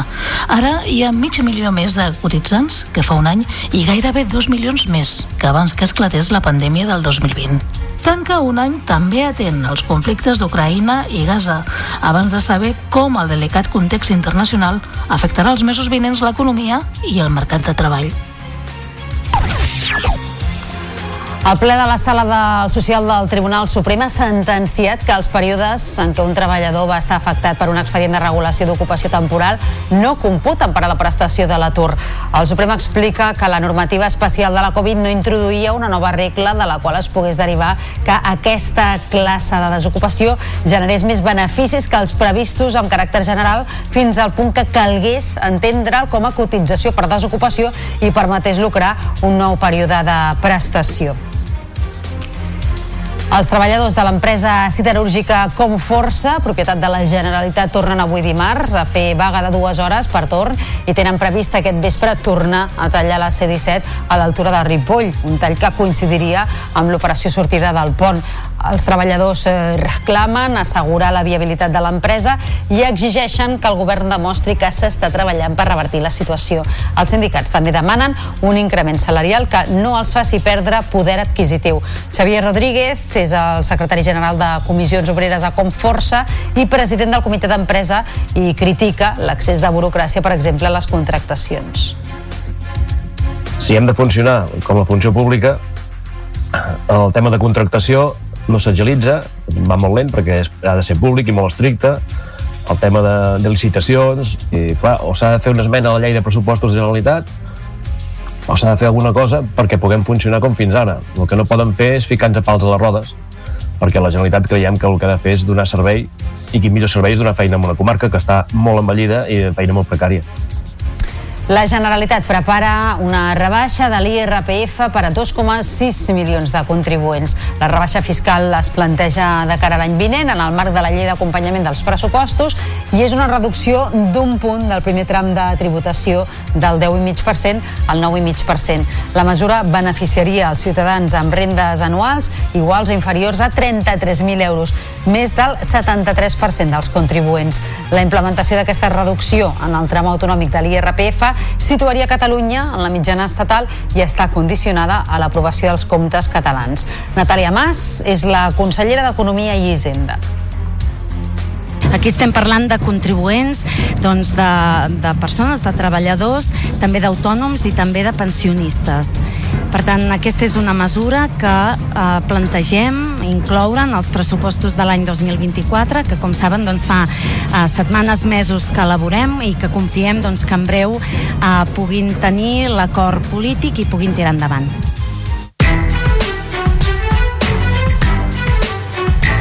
Passar ara un minut d'un quart de nou del matí, us expliquem que 7 de cada 10 menors catalans d'entre 10 i 15 anys ja tenen mòbil, segons dades de l'Institut Nacional d'Estadística.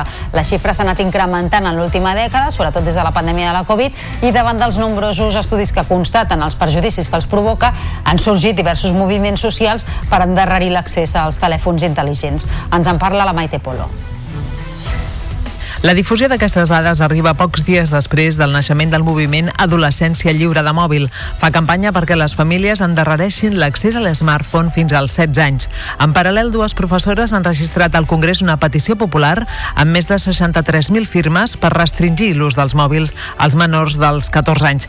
El professor d'Enginyeria Informàtica del Tecnocampus de Mataró, Jordi Boix, ha explicat a la xarxa algunes de les claus de l'addicció a les pantalles. Un és el, el FOMO, que és el, el por, la por a perdre alguna cosa, no? Nosaltres tenim por sempre a perdre coses. Per això estem sempre veient notícies, xarxes socials, de dir, no a ser el último que me entero de algo, no? I el segon punt és el contingut és molt dinàmic, contingut molt curt, que passa molt ràpidament i, i, i no pares de rebre estímuls. És següent, següent. No, hi ha, no pots avorrir-te perquè si el contingut no t'agrada, simplement passes al següent. També des de la xarxa, el psicòleg infantil de l'Hospital Sant Joan de Déu, Francisco Villar, ha advertit dels perills que corren els nens i nenes amb accés obert a internet. Que no és una porta que obris tu al món, és una porta que obres al món al teu fill. Llavors, a partir d'aquí, les poses en un moment en el que no es pot defensar a tot tipus d'intencionalitat de tota mena de l'exposició a la pornografia, de l'exposició a l'assetjament dels iguals, de l'exposició fins i tot a pederàstia. El psicòleg convida mares i pares a preguntar-se per què van entregar un mòbil als seus fills. Un ex cap de colla dels castellers de Barcelona ha admès haver abusat sexualment de nou nenes adolescents mentre era tècnic de canalla de l'entitat. Ho ha fet en el judici que ha començat a l'Audiència de Barcelona. L'acusat, per qui la Fiscalia demanava inicialment 39 anys i dos mesos de presó, ha acceptat els fets denunciats per les noies i una rebaixa fins als 10 anys i mig de presó. Com que per cap dels delictes se li demana un mínim de dos anys de reclusió, l'home podria acabar evitant l'ingrés a un centre penitenciari. Al seu torn, els castellers de Barcelona han informat que l'excap de colla ha quedat expulsat definitivament de l'entitat. I un entrenador d'atletisme de Vic ha reconegut a l'Audiència de Barcelona que l'any 2008 va abusar sexualment d'una menor d'edat a la qual entrenava. El reconeixement dels fets i el compromís de pagar 15.000 euros d'indemnització a la víctima han fet rebaixar la petició de la Fiscalia de 23 anys a 5 anys de presó que haurà de complir. No podrà apropar-se ni comunicar-se amb la víctima durant els 5 anys posteriors a la pena penitenciària. I ara, canviem de qüestió, us expliquem que l'Hospital de la Vall d'Hebron de Barcelona ha estrenat un nou espai per atendre pacients politraumàtics greus que ingressen a urgències de traumatologia, rehabilitació i cremats. Es coneix com a Trauma Center i té com a objectiu reduir el temps d'espera des que els pacients arriben a l'hospital fins que són intervinguts. La nova instal·lació està en ple funcionament des de finals de novembre i és un pas endavant en la implementació del nou model d'atenció als pacients on són els professionals professionals els que es traslladen. En la inauguració del servei, el conseller de Salut, Manel Balcells, ha destacat que pot ajudar a salvar vides com la de l'Òscar, un dels primers pacients que hi ha estat assistit. Aquesta remodelació del Trauma Center, el fet de poder amb el, des de l'helicòpter fins al quiròfan, que sigui dos minuts en comptes de 15, pot significar la vida o la mort del pacient. Estoy aquí vivo y estoy muy contento con, con el equipo que realmente pues me ha sacado para adelante.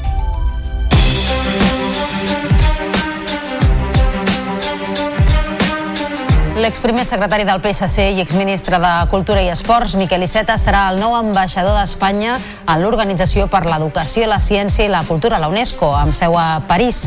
El català haurà de deixar l'acte de diputat al Congrés, que ostenta en l'actualitat, atès que l'escó és incompatible amb el nou càrrec. El Consell de Ministres preveu aprovar el seu nomenament avui mateix.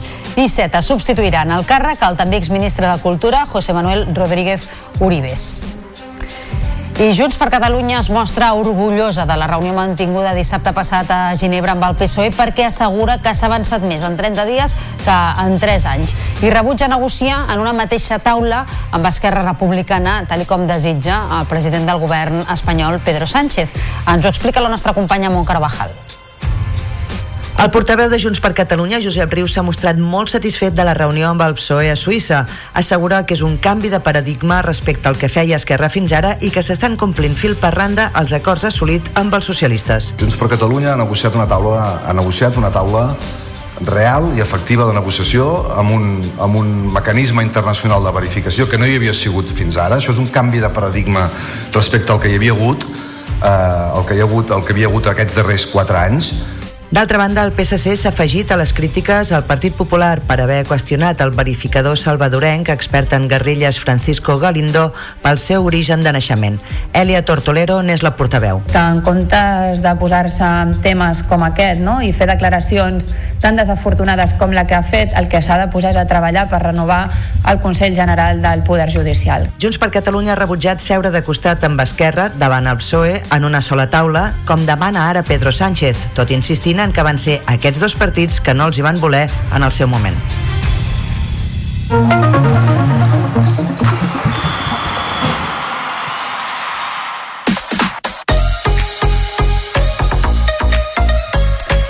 L'europeu d'hoquei patins ja roda a Olot. La cita continental va arrencar amb un triomf del vigent campió, la selecció espanyola, en el debut. L'equip dirigit per Ricard Muñoz, amb 8 catalanes entre les 11 convocades, va golejar Portugal per 5 a 1.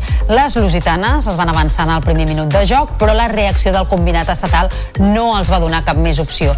Aina Florença, amb un doblet, Ana Casarramona, Sara González i Sara Roces van ser les autores dels gols que van significar els primers 3 punts a la competició. Avui en la segona jornada la selecció espanyola s'enfrontarà a França que va debutar amb una derrota davant Itàlia. I la infermeria del Barça no s'acaba de buidar i l'atenció se centra ara en la lesió de Marc-André Ter Stegen. L'alemany va tornar de l'aturada amb problemes a les lumbars i des d'aleshores no ha pogut tornar a jugar cap partit. El porter i els serveis mèdics decidiran en els propers dies si opten per continuar amb el tractament conservador o bé passar pel quiròfan. És una opció aquesta última que el mantindria fins a dos mesos de baixa. Per altra banda, el club ha confirmat la lesió muscular a la cuixa dreta d'Iñigo Martínez. El defensa basc serà serà baixa fins a final d'any i es perdrà els partits contra el Girona, l'Anvers i el València. Lamin Yamal ha rebut el premi The Youngest, otorgat en la gala del Golden Boy. El guardó reconeix el blaugrana de 16 anys com el jugador més jove en entrar a la llista de candidats al trofeu. El rotatiu italià també ha premiat Aitana Bonmatí amb el Golden Player Women, que designa la millor jugadora de l'any. I avui arrenca la segona ronda de la Copa del Rei en què hi prendran part tres equips catalans, l'Espanyol, el Girona i el Terrassa. Els primers en jugar seran els blanquiblaus, que rebran el Valladolid aquesta nit a les 9 a l'Stage Front Stadium. Els de Luis Miguel Ramis volen passar pàgina de la derrota a Oviedo amb un triomf davant un equip que a la Lliga és un rival directe en la lluita per l'ascens. El tècnic tindrà les baixes de Lazo, Víctor Ruiz i Melamed.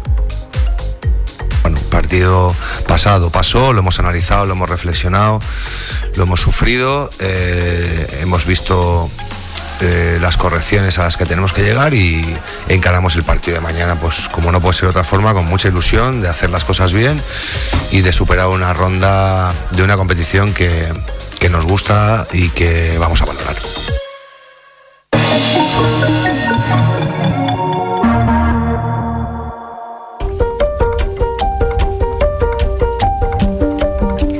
La sala La Planeta de Girona ha acollit aquest dilluns al vespre la final del 13è torneig de dramatúrgia catalana que cada any organitza el Festival Temporada Alta. Després de pràcticament dos mesos de combats, el públic ha donat suport a la proposta de Lali Álvarez, un rellotge a la finestra. El text planteja una trobada casual entre una cartera i una dona d'esquerres amb esperit reformista. La tímida conversa inicial deriva a un enfrontament polític i el text acaba jugant amb el públic. La guanyadora es mostrava així d'exultant. molt divertit, molt emocionant, estic molt emocionada i estic en xoc també perquè ha sigut molt difícil.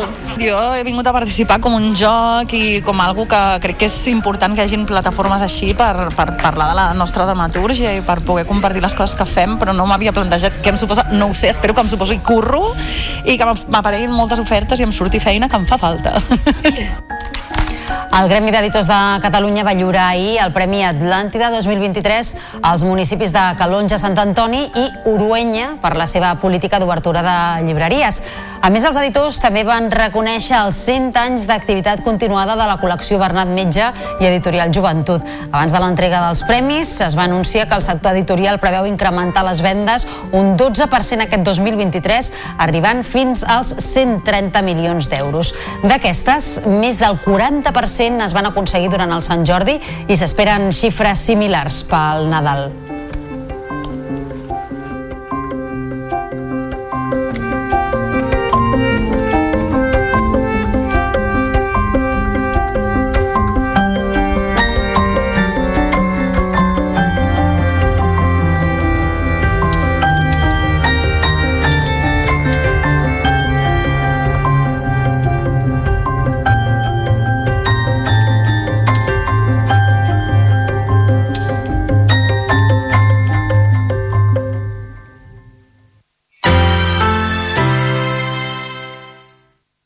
La xarxa de comunicació local.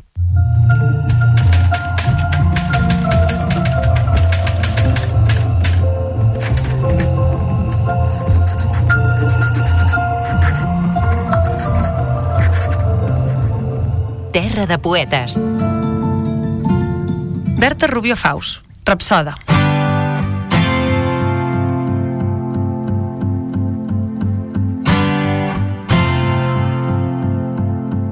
Breu en contra.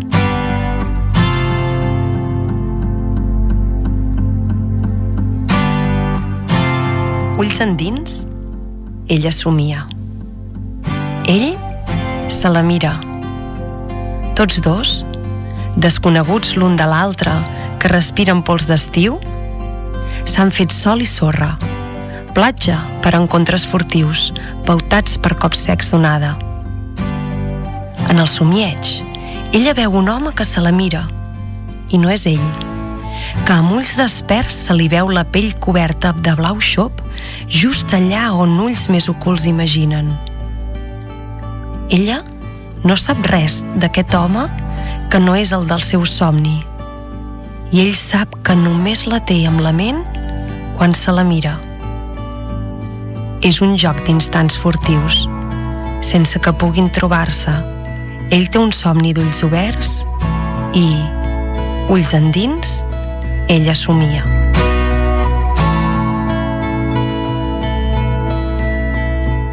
Josep Maria Ripoll, dins la plaquet En va tenim voluntat de parella, editat per Papers de Versàlia. La xarxa de comunicació local.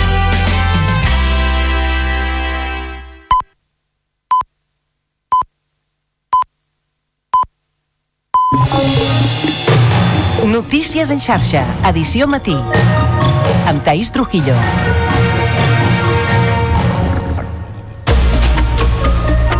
Bon dia, són dos quarts de nou del matí i en aquesta darrera mitja hora del Notícies en xarxa entrevistarem aquí al nostre plató el secretari general de la UGT a Catalunya, Camil Ros. Amb ell analitzarem la conjuntura actual amb les darreres dades de l'atur i la reforma del subsidi d'atur sobre la taula. Abans d'entrar en matèria, però, repassem també les principals qüestions que hem tractat aquest matí i que hem encapçalat amb l'operació sortida del pont de desembre. Trànsit calcula que des d'avui mateix es faran uns 460.000 desplaçaments. Per fer-hi front, Mossos activarà un dispositiu especial de circulació amb més de 1.600 controls i 1.700 efectius desplegats arreu de la xarxa viària. Carreteres com l'AP7, la C-17 i altres accessos cap al Pirineu, com la C-16, es preveu que siguin les artèries més carregades. També us estem explicant que el govern preveu aplicar una rebaixa de l'IRPF a 3 de cada 4 contribuents catalans. Es tracta d'una mesura que beneficiaria els ciutadans amb rendes anuals iguals o inferiors als 33.000 euros, és a dir, uns 2,6 milions de treballadors. Tot plegat queda condicionat a l'aprovació dels pressupostos. I hem destacat que per primer cop pràcticament 7 de cada 10 menors catalans d'entre 10 a 15 anys tenen mòbil, segons dades de l'Institut Català d'Estadística. La xifra de menors amb aquest aparell s'ha anat incrementant en l'última dècada i conviu amb moviments socials per endarrerir l'accés a l'smartphone entre els menors. I en esports, la selecció espanyola d'hoquei patins va debutar a l'europeu d'Olot amb una golejada sobre Portugal. El combinat, dirigit per Ricard Muñoz i amb vuit jugadores catalanes, és el favorit per endur-se el títol.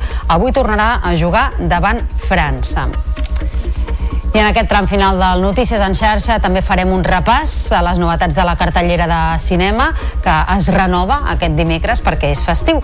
Així arriba a les sales Anatomia de una caïda, guanyadora de la Palma d'Or a Cannes. També s'estrena Robot Dreams, un film d'animació del director Pablo Berger. I Timote Claramet és Wonka.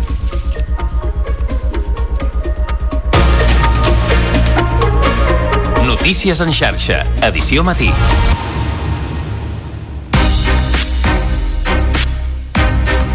Tot i perdre 11.500 cotitzants a la Seguretat Social aquest mes de novembre, és el segon de la sèrie històrica amb la caiguda més gran de l'atur en el conjunt d'Espanya.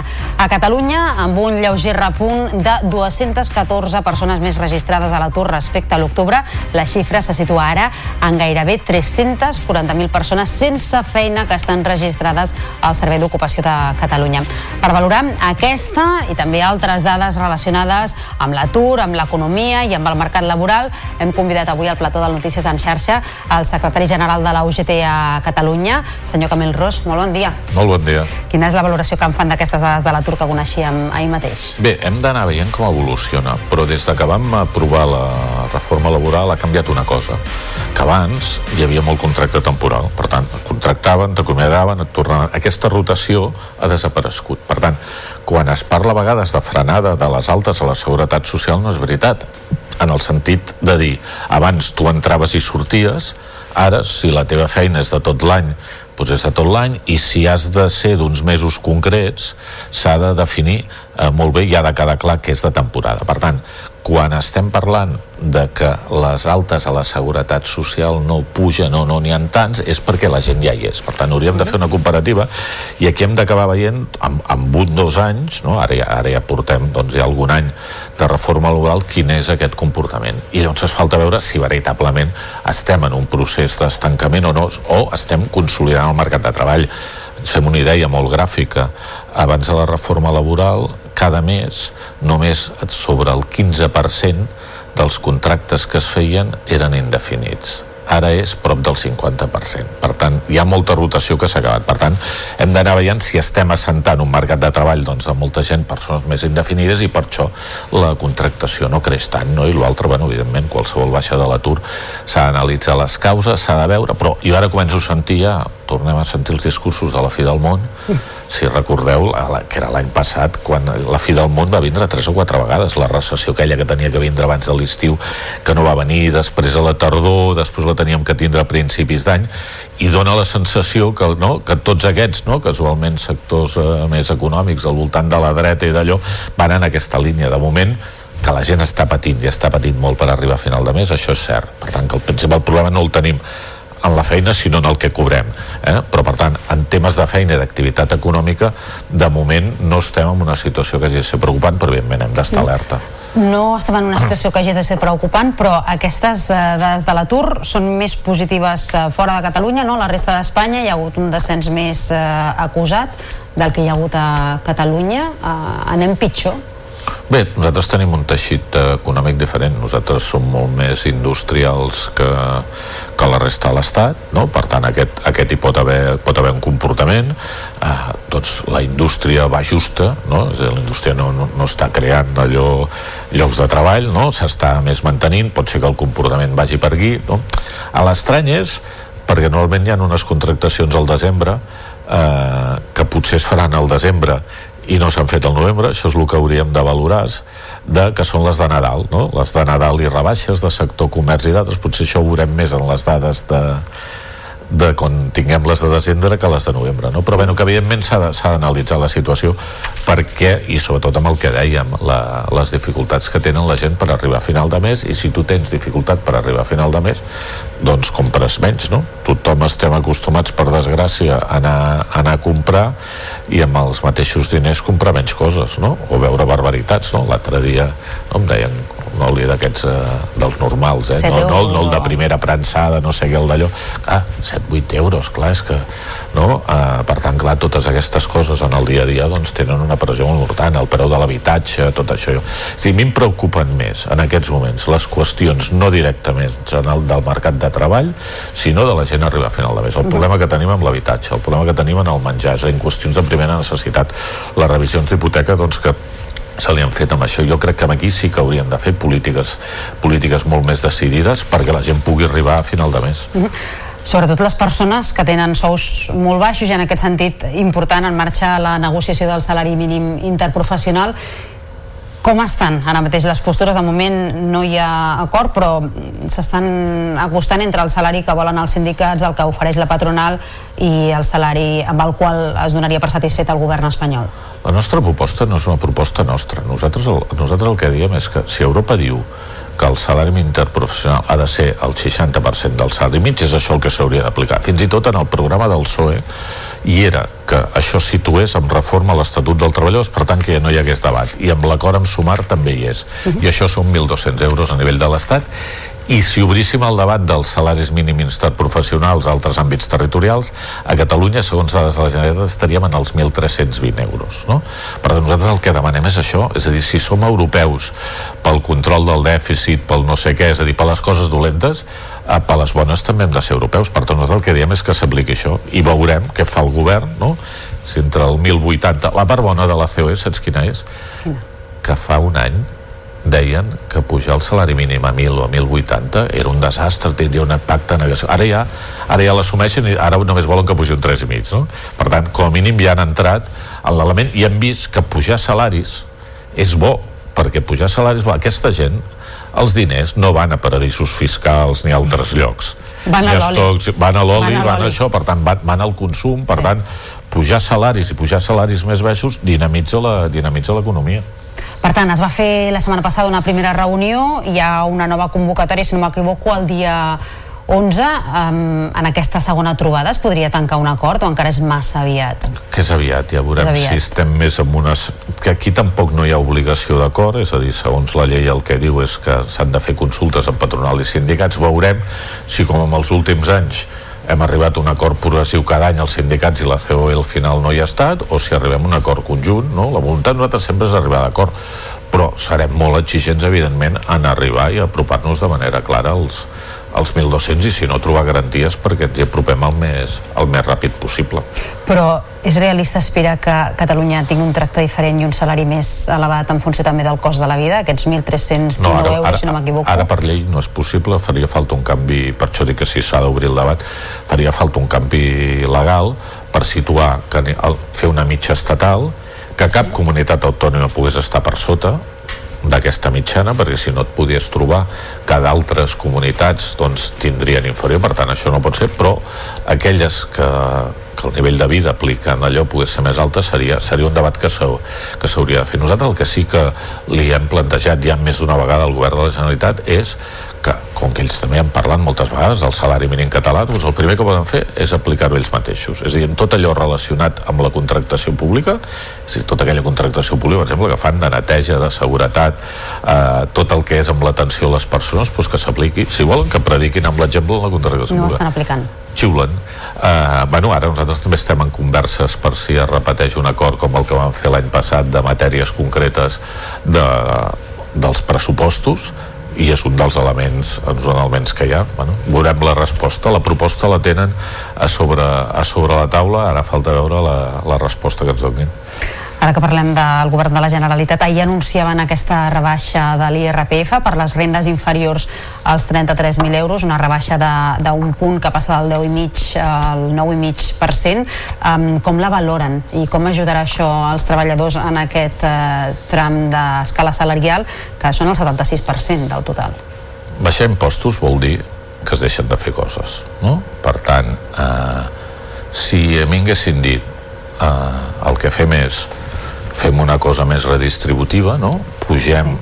els impostos els de dalt i per això ajustem a la franja de baix en podíem parlar, però jo així em dóna més sensació que és propaganda eh, que allò la política fiscal baixant impostos no porta enlloc perquè bueno, entrem en el, en el rotllo aquest dels dumpings cap avall de la IUSO o d'altres, per tant això de competir per baix en un sistema fiscal que per molt que en diguin són dels més baixos d'Europa i els que té eh, més frau fiscal, jo crec que el que necessitem és que Catalunya tingui més impostos i més recaudació per fer d'allò, a part del problema que hi ha fiscal. Per tant, de sortida ens, de sortida ens grinyola molt i creiem que no és el camí. Nosaltres hem situat també que per les rendes eh, més baixes, però no les més baixes, més baixes, no? també amb un llindar entre les propostes que hem situat al govern de la Generalitat, uns ajuts directes d'aproximadament de 200 i escaig euros per les famílies unitats que hi hagi un mínim eh, d'ingressos, però un mínim que no és, el, no és el de baix del llindar. Per tant, jo crec que és millor aquest camí de dir com recaudem com ajudem a la gent que ho necessita i no anar sempre a la, al populisme aquest de baixar impostos. Uh -huh. S'ha fet per buscar aquest titular de Catalunya ja no és la comunitat autònoma on la fiscalitat de l'IRPF és més elevada? Aquest era l'objectiu? No ho sé, però no crec que sigui el debat. A mi m'agrada eh, als països d'Europa eh, que es paguen impostos, eh, que redistribueix, que amb això després doncs, tens l'ensenyament o els menjadors escolars o, o les infraestructures més potents o la sanitat més potent, a mi m'agrada això per tant jo el debat de, que pot semblar des del punt de vista, has fet molta demagogia no? amb el dels impostos i sembla que el bo és baixar, no, no, perquè si baixes eh, doncs si baixes et faltaran per fer coses, com això de l'impost de, del patrimoni doncs tot allò que s'ha baixat algunes comunitats autònomes d'algun altre lloc has de retallar. I no estem en un moment que ens sobrin els, que ens sobrin els diners als pressupostos de la Generalitat de Catalunya. Per tant el que necessitem són més ingressos. I un dia els hi deia hauríem de fer el debat de Catalunya amb el seu estat del benestar que té quan necessita, quants diners necessiten. I a partir d'allà quina fiscalitat hem de fer per arribar per arribar aquí, perquè si no sempre acabem generant dèficit. I aquest debat no es fa ho han traslladat això perquè hem parlat eh, ja amb el govern de sí, bueno, pressupostos i, això, i, això i de discurs, fet, eh, sí, aquesta aquest dia és un discurs recurrent eh, que de discorrellat, bueno ara ja no hi ha discos ni CDs, no? ara no sé com s'hauria de dir això uh, i ho he anat dient un Spotify eh? ratllat exacte, l'Spot, exacte, un ratllat un ratllat de Spotify doncs uh, però no, no escolten és a dir, perquè això, i això més aviat seria no una qüestió tant dels pressupostos d'aquest any però dir què necessitem no? si volem una sanitat no? Quan necessitem, si volem una educació, si volem unes infraestructures, no? si volem què necessitem i a partir d'aquí anar-hi anar treballant no? uh, gradualment i fent i llavors sí que pots mirar quina fiscalitat fas, no? Si no, no, no, el, el tema és quan baixem impostos i quan, és a dir, ara representa que tot el que eh, hi ha una part que es guanya la Generalitat per això de l'acord aquest de l'1 del FLAP, no? del deute que et treuen doncs potser ja t'ho menges amb la baixada aquesta d'impostos vols dir que estem en un moment així? Jo crec que no. Uh -huh.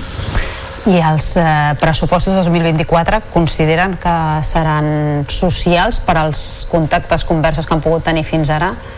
Bé, estan, estan en un discurs una mica de que no hi ha tants ingressos eh, com d'un any a l'altre estan una mica a la defensiva per això em sorprèn que en alguna de les reunions que hi ha hagut et fan aquest discurs i ahir ens trobem els mitjans de comunicació perquè nosaltres ens lamentarà com la resta eh? no ho sabíem abans amb la, amb la informació aquesta, per tant dius, no quadra si m'estàs dient no, que si l'indicador de la renda de suficiència no, que és un dels elements que van pujar molt sí. a l'any passat i ara doncs, fan una proposta i nosaltres demanem una mica més El, et diuen que hi ha dificultats i per un altre costat baixes impostos per tant no crec que sigui jo crec que hauran d'afinar i amb les propostes que van fent no sé si eh, en aquests moments tenen tants suports parlamentaris com tindria. Suposo que ara ens presentaran la llei d'acompanyament dels pressupostos, sí. que és on hi ha l'element de fiscalitat falta veure els pressupostos quan els presenten si esperen o no ens fan no? que l'any passat no? vam arribar al febrer no? em sembla que era quasi que sí. eh, aviam sistema en aquests, eh, en aquests debats i ja per acabar molt breument, eh, un altre cavall de batalla eh, dels sindicats, la jornada laboral i sobretot específicament aquesta aspiració a les 32 hores setmanals que són 4 dies. Doncs és on hem de on hem d'arribar. El progrés de la història això que diré la part final, després s'emprenyen eh, els, de, els de les patronals. Progrés és treballar millor, és a dir, tindre millors condicions de treball, no? El, doncs, la intel·ligència artificial al servei eh, de les persones treballadores, no al servei dels interessos econòmics, per tant, treballar millor, treballar menys. La jornada laboral es va aprovar el 1919. Després de 100 anys, potser ja toca, no?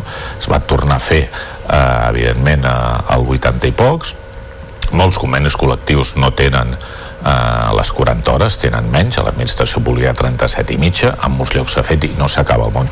I has de fer un gradual. Per ens fem una idea és distribuir aproximadament uns 15 dies més a l'any, si ho fem en còmput anual, eh, en festius, ponts i allò, per tant és perfectament allò. I l'altre és, doncs, que hem de fer gradual hi ha alguns sectors de serveis es comencen a treballar algunes experiències doncs de la jornada, un gradual cap a les 35 i les 32 que són els 4 dies a la setmana i jo crec que a diferència de generacions anteriors que es valorava molt l'hora extra no? i quantes més hores extres millor doncs jo crec que ara ja, i jo crec que és millor això, no? valorem més tindre temps per fer altres coses, no? per tant jo crec que el progrés ens ha de portar cap aquí, la tecnologia ha de fer que puguem eh, treballar menys, i acabo, treballar millor treballar menys i cobrar més Sona bé. Camil Ros, gràcies per haver vingut avui al Notícies en xarxa. Molt bon dia, fins a la propera. Bon dia. Notícies en xarxa. Tota la informació al teu abast. A les 3 d'aquesta tarda comença l'operació sortida del pont de la Puríssima i la Constitució. Des del Servei Català de Trànsit es calcula que sortiran de l'àrea metropolitana de Barcelona 460.000 vehicles i es preveu que la mobilitat sigui densa, sobretot en carreteres com la P7. Per tal de reduir la sinistralitat hi ha previstos uns 1.600 controls que estaran especialment enfocats als motoristes.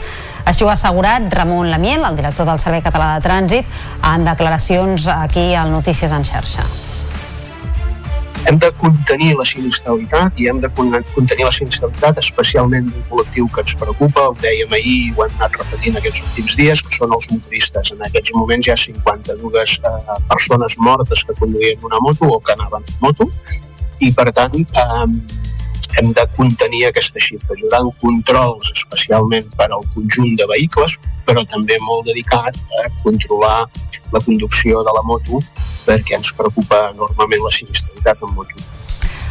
Bona part de la mobilitat es concentrarà en carreteres que duen a destinacions de muntanya. La demarcació de Lleida preveu una ocupació turística d'entre el 75 i el 85%. És una crònica de Lleida TV. El pont de la Puríssima dona el tret de sortida a la temporada de neu a la resta d'estacions d'esquí alpí del Pirineu Lleidatà, a banda de Baqueira, que ja va obrir. Aquest fet suposa un reclam pel turisme de la zona que podria arribar a superar el 80% d'ocupació. El Patronat de Turisme destaca la importància d'aquest pont. Es tracta del pont més llarg de l'any, que permetrà poder enllaçar 7 dies festiu amb només un dos dies laborables, amb moltes combinacions per poder agafar part del davant i part del darrere a partir del 5, sobretot del 5 al 10 de desembre. Al mateix temps, el Patronat també ha engegat la campanya Apropa't a Lleida viu el moment per fidelitzar i augmentar el nombre de turistes i pernoctacions a la demarcació. El públic objectiu al que ens adreçarem és a aquelles persones que són amants d'escapades de cap de setmana, entre setmana, que volen gaudir de la natura, del turisme rural, eh, espais oberts, aquest entorn natural i la pràctica, com no, de l'esquí i activitats d'hivern. A banda de l'esquí, diversos municipis de Ponent, l'Alt Pirineu i Aran ofereixen un ventall d'activitats en fires i festes tradicionals. També tot acompanyat de la possibilitat de visitar tots els atractius paisatgístics i monumentals de la demarcació.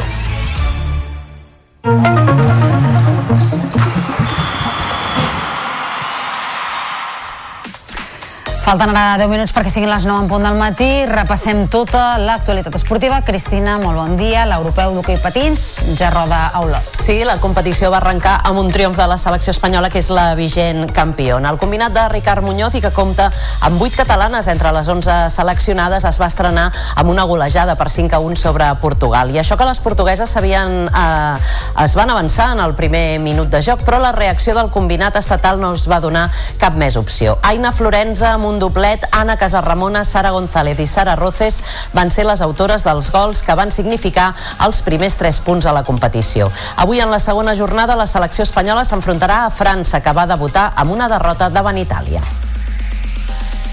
La infermeria del Barça no s'acaba de buidar i l'atenció se centra sobretot en la lesió de Marc-André Ter Stegen. L'alemany va tornar de l'aturada per seleccions amb problemes a les lumbars i des d'aleshores no ha pogut tornar a jugar cap partit. El porter i els serveis mèdics decidiran en els propers dies si opten per continuar amb el tractament conservador o bé passa pel quiròfan, una opció que el mantindria fins a dos mesos de baixa. Per altra banda, el club ha confirmat la lesió muscular a la cuixa dreta d'Iñigo Martínez. El defensa basc serà baixa fins a final d'any. Es perdrà, per tant, els partits contra el Girona, l'Anvers i el València. La Yamal ha rebut el premi de Youngest, otorgat en la gala del Golden Boy. El guardó reconeix el blaugrana de 16 anys com el més jove en entrar a la llista de candidats al trofeu. El rotatiu italià també ha premiat Aitana Bonmatí amb el Golden Player Women, que la designa millor jugadora de l'any. Siempre digo que los premios individuales no vienen eh, sin un gran trabajo colectivo. He tenido la suerte este año de ganar la Champions con el Barça, el Mundial con la selección, así que todo se lo debo a mis compañeras, staff y trabajadores con los que he compartido estos años y todos los de atrás. Avui arrenca la segona ronda de la Copa del Rei amb tres equips catalans, l'Espanyol, el Girona i el Terrassa. Els primers en jugar seran els blanquiblaus que reben el Valladolid aquesta nit a les 9. Els de Luis Miguel Ramis volen passar pàgina de la derrota a Oviedo amb un triomf davant un equip que a la Lliga és un rival directe en la lluita per l'ascens. El tècnic tindrà les baixes de Lazo, Víctor Ruiz i Melamed. Partido pasado pasó, lo hemos analizado, lo hemos reflexionado, lo hemos sufrido, eh, hemos visto eh, las correcciones a las que tenemos que llegar y encaramos el partido de mañana, pues como no puede ser otra forma, con mucha ilusión de hacer las cosas bien y de superar una ronda de una competición que, que nos gusta y que vamos a valorar. L'Atlètic Barceloneta buscarà acomiadar el 2023 amb un ple de triomfs a la Champions. L'equip mariner afronta aquest vespre l'última jornada de la fase de grups a la piscina del Marsella. Els Delvis Fatovic ja tenen assegurada la classificació per a la segona fase i a més com a primers de grup, mentre que l'equip francès es disputa la segona plaça amb l'Espandau. El d'avui serà el darrer partit d'aquest any abans de l'aturada de dos mesos i mig per la disputa de l'Europeu de Croàcia i el Mundial del Qatar. Marc Larumbe explica com afronten aquest partit. Espero i, i crec que l'equip sempre en els partits de Lliga de Campions està més preparat i fa un pas endavant. Esperem que així sigui. Eh, ara ja ens venen partits pensant ja en la següent fase de la Lliga de Campions o amb la selecció que es decidiran per detalls i es guanyaran en defensa. És on ens hem d'aplicar i demano a l'equip un, últim, un últim esforç abans de, de començar amb la selecció. Doncs aquest últim partit del Barceloneta a la piscina del Marsella a les 8 del vespre. Gràcies, Cristina, que vagi molt bé. Que vagi bé. I nosaltres ara, últims minuts de Notícies en xarxa per mostrar-vos quines són les estrenes de cinema més destacades de la setmana que en aquesta ocasió s'avancen per el pont. Ens en parla el David Navarro. I just want you to know one thing. I'm not a monster. La protagonista d'Anatomia de una caïda és la Sandra, una escriptora alemanya acusada d'assassinar el seu marit, que ha aparegut mort en circumstàncies sospitoses. Tots dos vivien amb el seu fill sec en un xalet als Alps francesos. El procés que s'obre contra ella posa en el punt de mira la relació complicada que tenien i la personalitat ambigua de la dona. I did not kill him. That's not the point.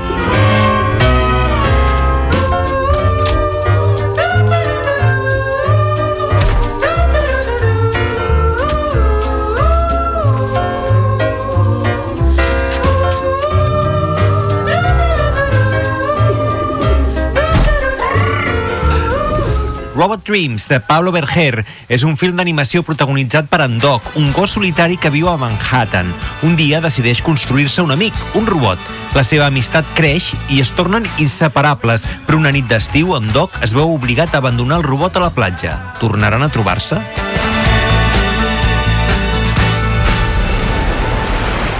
Así que usted es el hombrecillo que me ha estado siguiendo.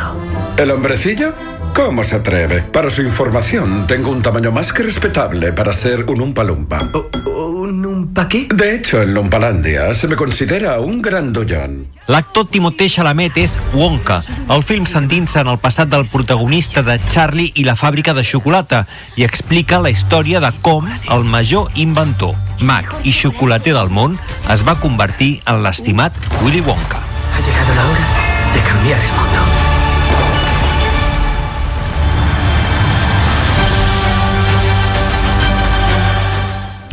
Doncs amb cinema acabem aquest Notícies en xarxa previ al pont de la Puríssima i la Constitució. Si agafeu el cotxe, si aneu a les carreteres, molta precaució. Nosaltres demà fem festa i ens retrobem dijous a primera hora amb informació de territori. Que vagi molt bé. Adéu.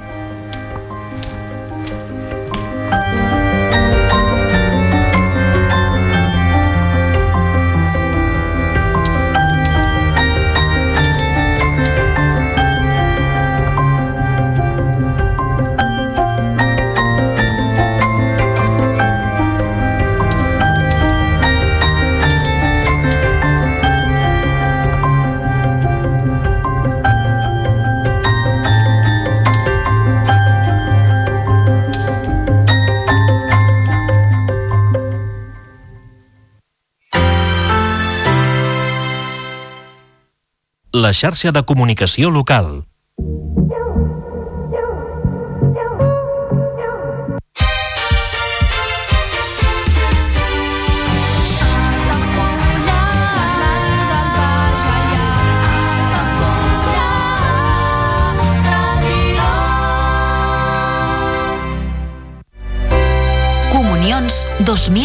2024. Dates ja disponibles amb sales privades, jardí, pàrquing privat i la millor gastronomia. Més informació i reserves al 977 65 11 55 i a comercial arroba altafullamarotel.com o al web altafullamarotel.com.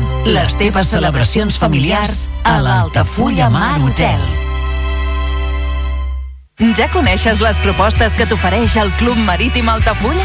Vine i descobreix totes les nostres activitats. Sortides en caiac o pa del sur, cursos de vela per a totes les edats. No t'ho perdis i gaudeix d'un dels esports més segurs d'aquest any. Club Marítim Altafulla. Obert tot l'any i per a tothom. Carrer Major, el programa de les emissores del Camp de Tarragona. Cada dia de 4 a 6 de la tarda, el que passa al Camp de Tarragona t'ho expliquem amb la major redacció d'un programa de territori quilòmetre zero. Periodisme de proximitat, continguts de qualitat, amb Anna Plaza i Toni Mateos. Carrer Major. Al meu país la pluja no sap ploure. Canvi climàtic asseca els rius, posa en risc l'abastament d'aigua i la producció d'aliments. Treballem per fer front a la sequera i garantir l'aigua, però cal l'esforç de tothom. Cada gota compte. La pluja no la controles, l'aixeta sí. Generalitat de Catalunya, sempre endavant.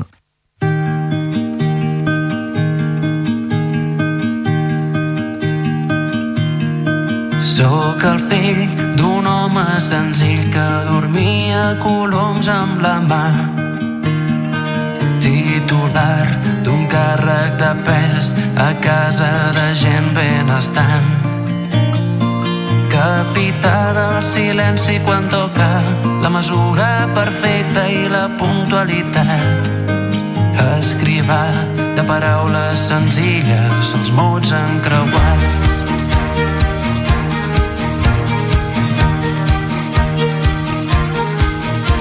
De sis ja som a la platja i sembla que tot preparat. Els senyors, el vestit vermell i els núvols que venen de franc. Un pintor de silenci tranquil parla del vell somriure que avui... Són les 9 del matí.